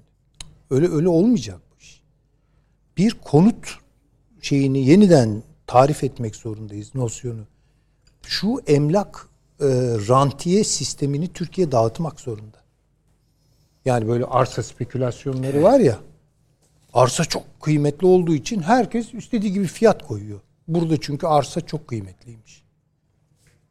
Ya bu, bu ne fetiş? Allah'ın toprağı bu. Allah lütfetmiş vermiş. Böyle bir de güzel memleket vermiş. Yani toprak mı yok? Yer mi yok? Elbette var. Devlet tarif edecek. Şurası yerleşime uygun. Bunun altından fay geçmiyor. Veya geçse, yakınından geçse bile şu efsafta bir bina yapma. Ve bu iki kattan fazla olmayacak. Ne gerek var? 100 bin kişilik, 150 bin kişilik şeyler kuralım. Yeni yeni yerleşim. Buna çalışan mimarlar maliyet hesaplarını çıkarıyorlar. Ben geçen toplantıda Turgut Cansever'in işte projesini Evet, söylediniz. son derece ucuz. Hiç bu kadar rakam falan geçmiyor. Çok kolay halledilebilir. Bakın ama neyi konuşuyoruz biz bugün? İzolatörler varmış da onlar o binaları ya niye oralara bu kadar dünyanın parasını dökelim? Çok daha basit halletmek varken, çok daha ucuz, çok daha insana uygun. İşte hocam yalnız ucuz, değersiz anlamına geliyor. Böyle bir şeyimiz oluştu. Yani ha, bir de yani bu bu sektörleri kışkırtan şeylerden biri o tüketim Evet o. Ee, çılgınlığı da demeyeceğim. Çılgınlık bile bence yeri gelir çok saygı değer bir şey o. Şımarıklığıdır yani. Şımarıklık yakışmıyor bu millete şımarıklık canım. Bu milletin bir asaleti var. Somurtalım demiyorum. Yani mefhumun muhalifine gitmeyelim. Ama bir ölçü tutturma meselesi yani. Türkiye yakışan hasletler vardır. Bir cıvıtmak falan değildir bu yani. Şımarmak değildir. Taşkınlık değildir yani. O eşik biraz hani Aşıldı, kaçır- aşıldı ama. Yani Ya e, aşıldı bu. sapak kaçırıldı demek istemiyorum. Ama öyle. Ama yoldan çıkıldığı çok açık. Onun için Yani eğer hani siz söylediniz ya bilmem ne yum koymaya E, başladıysanız. tabii oralar işte ya seyir sefa diyor yani böylelikle şey oluyor ya sen O nereden demek. saçma Yani sapan Farsça terkipler o yoldan uyduruyor? çıkılmış. Ta oraya kadar sirayet Evet. ettiyse yani E, böyle satılıyor cennetten bir şey. Yani, akıl yani cennetten bir ya. köşeyi levha yapıyorsanız, reklam yapıyorsanız Altına cehennem çıkar o zaman tabii ki. O öyle, öyledir yani Allah'ın da şimdi Evet, tövbe yarabbim. Peki hocam. Onun için hani çok hemen bağlayayım da söyleyeyim. Medeniyet lafını böyle bir spekülasyon olsun falan değil. Medine'yi hatırlatmak için. Bakın Medine'nin e, sevgili dostumuz e, e, Mustafa Bey bunu şey yapmıştır. Medine'yi böyle bir pazar yeri olarak, bir ekonomik birim olarak e, Mustafa Özel tarihçi e, Medine'de nasıl bir hayat vardı biliyor muyuz? Çok enteresan. Yani Medine bir şehir olarak nasıldı? Pazarı nasıldı? Nelere dikkat ediliyordu? Kendi şehirlerimiz değil mi yani? Nasıl kuruldu? Yani bu bunların üzerine biraz fikir e, mesaisi. Aksi takdirde yabancılaşıyoruz kendi toprağımıza. Buna bir de demografik şoklar falan girip falan alt üst oluyoruz. Kültürel olarak alt üst oluyoruz. İşte Almanya bizden çok daha küçük bir toprak parçası. Bizden daha büyük bir nüfus. Asla bir yığılma bizim yok. depremimizin olduğu bölge kadar. Evet ama asla yığılma yok. Bakın Berlin'in nüfusuna benim bildiğim 7 milyon mudur? Bakalım. 6 milyon falan. E niye İstanbul 20 milyon? Ya İstanbul'u Hong Kong yaparak ne elde ediyoruz? Bir de bununla övünüyoruz. Böyle metropol falan gibi aptal aptal laflar söylüyoruz. Megapol. Megapol, yani böyle büyüyor, şişiyor falan. Metropol kesmez. Ne oluyor yani? e, yerel seçim kampanyası sırasında bir siyasetçimiz ya bizim bu İstanbul'da bir eksiğimiz var. Ve efendim onun konuda ne düşünüyorsunuz diye sordu adaylardan birisine. Nedir o? Efendim Çin mahallesi. Aa evet. İşte bu önemli. Hocam size bir şey sorabilir miyim Süleyman Hocam? Buyurun. Ee, İkinci Dünya Savaşı öncesinde Berlin'de yani 3.6 milyon insan yaşıyormuş. Pardon özür dilerim. 4.3 milyon insan yaşıyormuş. Bugün kaçtır diye soracaktım ağzımdan kaçtı o. 3.6 milyon. Berlin'de Biraz ben daha- daha, yüksek bir nüfus olduğunu. İşte bu şeye ben bakarak 6 söylüyorum. falan 6-7 civarında. E, Yani o zaman neyse. o bile yani şeye Hayır. göre tarihi şu evet Davut yani e, derli toplu Her şeyi yaşıyorlar İstanbul'da yani. taşımak. Her şeyi İstanbul Evet. şeyine koy. Yani Bursa İstanbul'a baktı ama hangi İstanbul'a Hong Konglaşan İstanbul'a kendini Hong Konglaştırdı. Bursa'nın kasabaları Bursa'ya baktılar. Bursa Hong Konglaşıyor. E biz niye geri kal? En son köylere kadar girdi bu işler. Yani hatırla yani. Evet, evet, Ne kadar resim hocam. gibi güzel köylerimiz vardı. Tamam sıhhi değil de dönüştürülmesi lazımdı. Ama ona göre dönüştürülür. Yani köyün e, tü- Anadolu köyünün e, karakteristiklerini ortadan kaldıran onlar da beton bir şeyler yaptılar. Karadeniz'de ne güzel bir mimari vardı. Ne yaptık? Yani Karadeniz şehirleri falan ç- çok kötü. Ha, orada tabii bir de rahatlar artık deprem Ya, oraya yaylalara apartman yapılıyor hocam. yapılıyor ama oraları da sel vuruyor. Farklı bir şey olmuyor ki. Ya, tabiat onu da hallediyor tabii. Hallediyor. Teşekkür ediyorum Süleyman Hocam. Çağrı Hocam. Bizi kağıt verseydik size hocam. Yer kalmamış. Taife-i beşer nisyan ile malumdur Evet. diye bir ifade var değil mi? Yani insanlar, insan kavmi unutkanlıkla sakatlanmıştır. Sakat, evet, Başından evet, itibaren. Arazlıdır ya da ne. Taife etrak için de nisyan default aslında. Bizim fabrika ayarlarımızda var. Türk milletinde. Yani 99 çıkartın. Bunu yaşadık. Ondan bir 10 sene geriye git. Erzincan.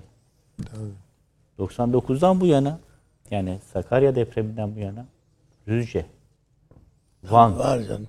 Elazığ değil mi? defalarca yaşandı. Şimdi Süleyman Hoca hep bizim maalesef hem o tüketim toplumu gerçekliğinin üzerimizdeki tesiriyle hem bazı nahoş özelliklerimiz sebebiyle hiç doğaya saygı göstermeden, komşularımıza saygı göstermeden pervasızca bir takım işler yaptığımızı söyledi ki doğru. Ama bir de kanun var, nizam var. Değil mi? Bugün kaymakam biri öyle diyor. Kanun var, nizam var. Depremden sonra mı aklına geldi kanun var, nizam var kardeşim? Kanun var, nizam varsa bakacaksın. Onun kolonu kesikse diyeceksin ki bu yıkılacak. Yenisi yapılacak. Yani kanunun, nizamın var olduğu deprem hadisesinden sonra akla gelmemeli. İnsanların bu pervasızlığı, bu göğe yükselme çabası falan karşısında şayet son 30 yıldır yatay mimari, yatay mimari, yatay mimari deniliyor ve hala dikey mimari var ise bu sadece insanların açgözlülükleriyle izah edilebilecek İzah bir hadise değil. Demek ki yol verilmiş. Hepsi beraber düşünülmeli. Sonuçta Aslında Neyseniz- şey demiştik hocam. Herkes biliyordu, herkes sustu. Biraz öyle yani. çağırmışız. Şimdi bizim dedim ya en başta her şeyi değiştiren bir şey bu. Ve siyasetin yapısını da kuşkusuz değiştirecek. İnsana bakışımızı değiştirmesi lazım. Biz öyle eğitim aldık. Sizler de öyle eğitim aldınız. Yani kuşak farkı yok aramızda. Ama bizim çocuklarımız da aynı eğitim alıyorlar. Çok devlet odaklı yetiştiriliyoruz. Devletin güvenliği her şeyden önemli. Doğrudur. Devletimiz olmasa hiçbirimiz var olamayız. Ama insanı yaşat ki devlet yaşasın felsefesinden de geldiğimizi söylüyoruz. Hangisi kardeşim?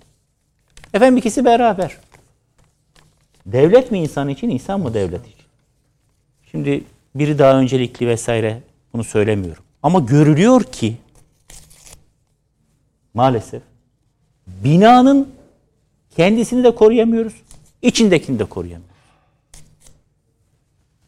Konut da yıkılıyor, devlet dairesi de yıkılıyor. Kışla da yıkılıyor, hastane de yıkılıyor, bakım evi de yıkılıyor. Ve işte o rezidanslar da yıkılıyor. Deprem ülkesi olduğumuz gerçeğinden hareketle güvenlik anlayışımızın odağına da insanı yaşatmayı yerleştirmemiz gerekiyor. Bizim yeniden bir insan odaklı zihniyet inşasına ihtiyacımız var. Söylemlerimizde yeterince var bu. Bunun edebiyatını yapmak istiyorsanız yazarsınız internete. Yüzlerce söz, beyit, ciltler dolusu kitap, roman, siyasi nutuklar. Yüzlerce insan bizim için bir başlar ben de başlarım. Yunus Emre'den gireyim, Hacı Bektaş Veli'den çıkayım. Hacı Beyram Veli'ye geleyim, Ahmet Yesevi'ye gideyim. Hümanizma diyeyim, insan diyeyim, şu diyeyim, bu diyeyim. E Söylem. bu kadar. Bunu bizim zihniyetimizin merkezine oturtmamız gerekiyor. Stalin'den bahsettik ya, bir ölüm trajedi, bir milyon ölüm istatistik. İstatistik. O bir milyonun bileşenlerini ayırdığında orada bir milyon trajedi, trajedi olduğunu unutmamamız gerekiyor. Her biri bir trajedi. Tabii. hiçbir insanın hayatı o kasalar dolusu altınla, petrolle, enerji santralleriyle bilmem neyle mukayese edilemez. Yani bir kefeye koysanız burada bütün Merkez Bankası'nın altınlarını buraya da bir tane canlıyı koysanız. Bir Türk vatandaşı şu depremde canını kaybeden. O daha fazla ağır basar. Ve bunun mesuliyeti hepimizin üzerindedir. Hani zaman zaman rahmetli Demirel söylerdi. Hazreti Ömer'e atfen. Dicle'nin kenarında bir kuzu kaybı olsa, bir kurt bir kuzuyu kapsa onun mesuliyeti bendedir dermiş Halife Ömer. Evet. Demirel de öyle derdi. Bunun mesuliyeti bendedir. Yani oradaki muhtardan, oradaki kaymakamdan, oradaki validen sormaz. Hepimizdedir. O zaman biz kendimizce, bizler üniversite hocası olarak, sizler gazeteci olarak, aydın insanlar olarak, öbürü bir mühendis olarak, öbürü bir yönetici olarak kendimizce insan odaklı bir medeniyet anlayışının inşasında bir tuğlada biz koymalıyız ama sağlam koymalıyız. Bu işin temeli sağlam. Bu insanların hamurunda bir sıkıntı yok. Biz yeter ki bunu yepyeni bir anlayışla inşa edelim ve ilkokuldan başlayarak, ana sınıfından başlayarak bunu yapalım. Bunu yapmazsak Allah muhafaza bir süre sonra oturur başka bir depremin bizim gerçeğimiz ya. Bir başka bir depremi belki bizler gideceğiz. Evet. Başkaları oturup konuşacaklar. Diyecekler ki ya bak burada birileri konuşuyordu 5 sene evvel. Onlardan ikisi de altında kalıverdi. Evet. Yıkıntının. Diyecekler. Aynen, tabii, tabii. Bunu yapmak zorundayız. Bu bizim için her şeyden öncelikli bir konu. Her şeyden. Enerji güvenliğinden de daha öncelikli bir konu. Siber güvenlikten de daha öncelikli bir insan güvenliği. İnsanı yaşatamıyorsan siber güvenliği sağlasan olur sağlamasan olur. O yüzden Zaten mesela enerji güvenliği diyorsunuz. O olmadan yani fiziki şartları da olmuyor enerji güvenliğinin. Şimdi mesela Bakın o dinleyen şimdi- diyor ki ya arkadaş olur mu öyle şey? Ya işte onu da sağlayacaksın onu. Hayır biz bunu diye diye öncelik sıralamasında birbirlerine karıştıra karıştıra bu noktaya geldik. Evvela öncelik sıralama. Evvela insan. Türk insanı. Evvela bu. Ondan sonra diğer meseleler. Bunu yapmazsak eğer biz çok kısa süre sonra neydi? Beşer nisyan ile malüldür. Taifeyi etrak için nisyan defaltür. Beytine geri döneriz ya. Peki efendim. Avni abi çok çok teşekkür ediyorum. Biz de teşekkür Ağzınıza ediyoruz. Sağ ol. Süleyman Hocam medeniyet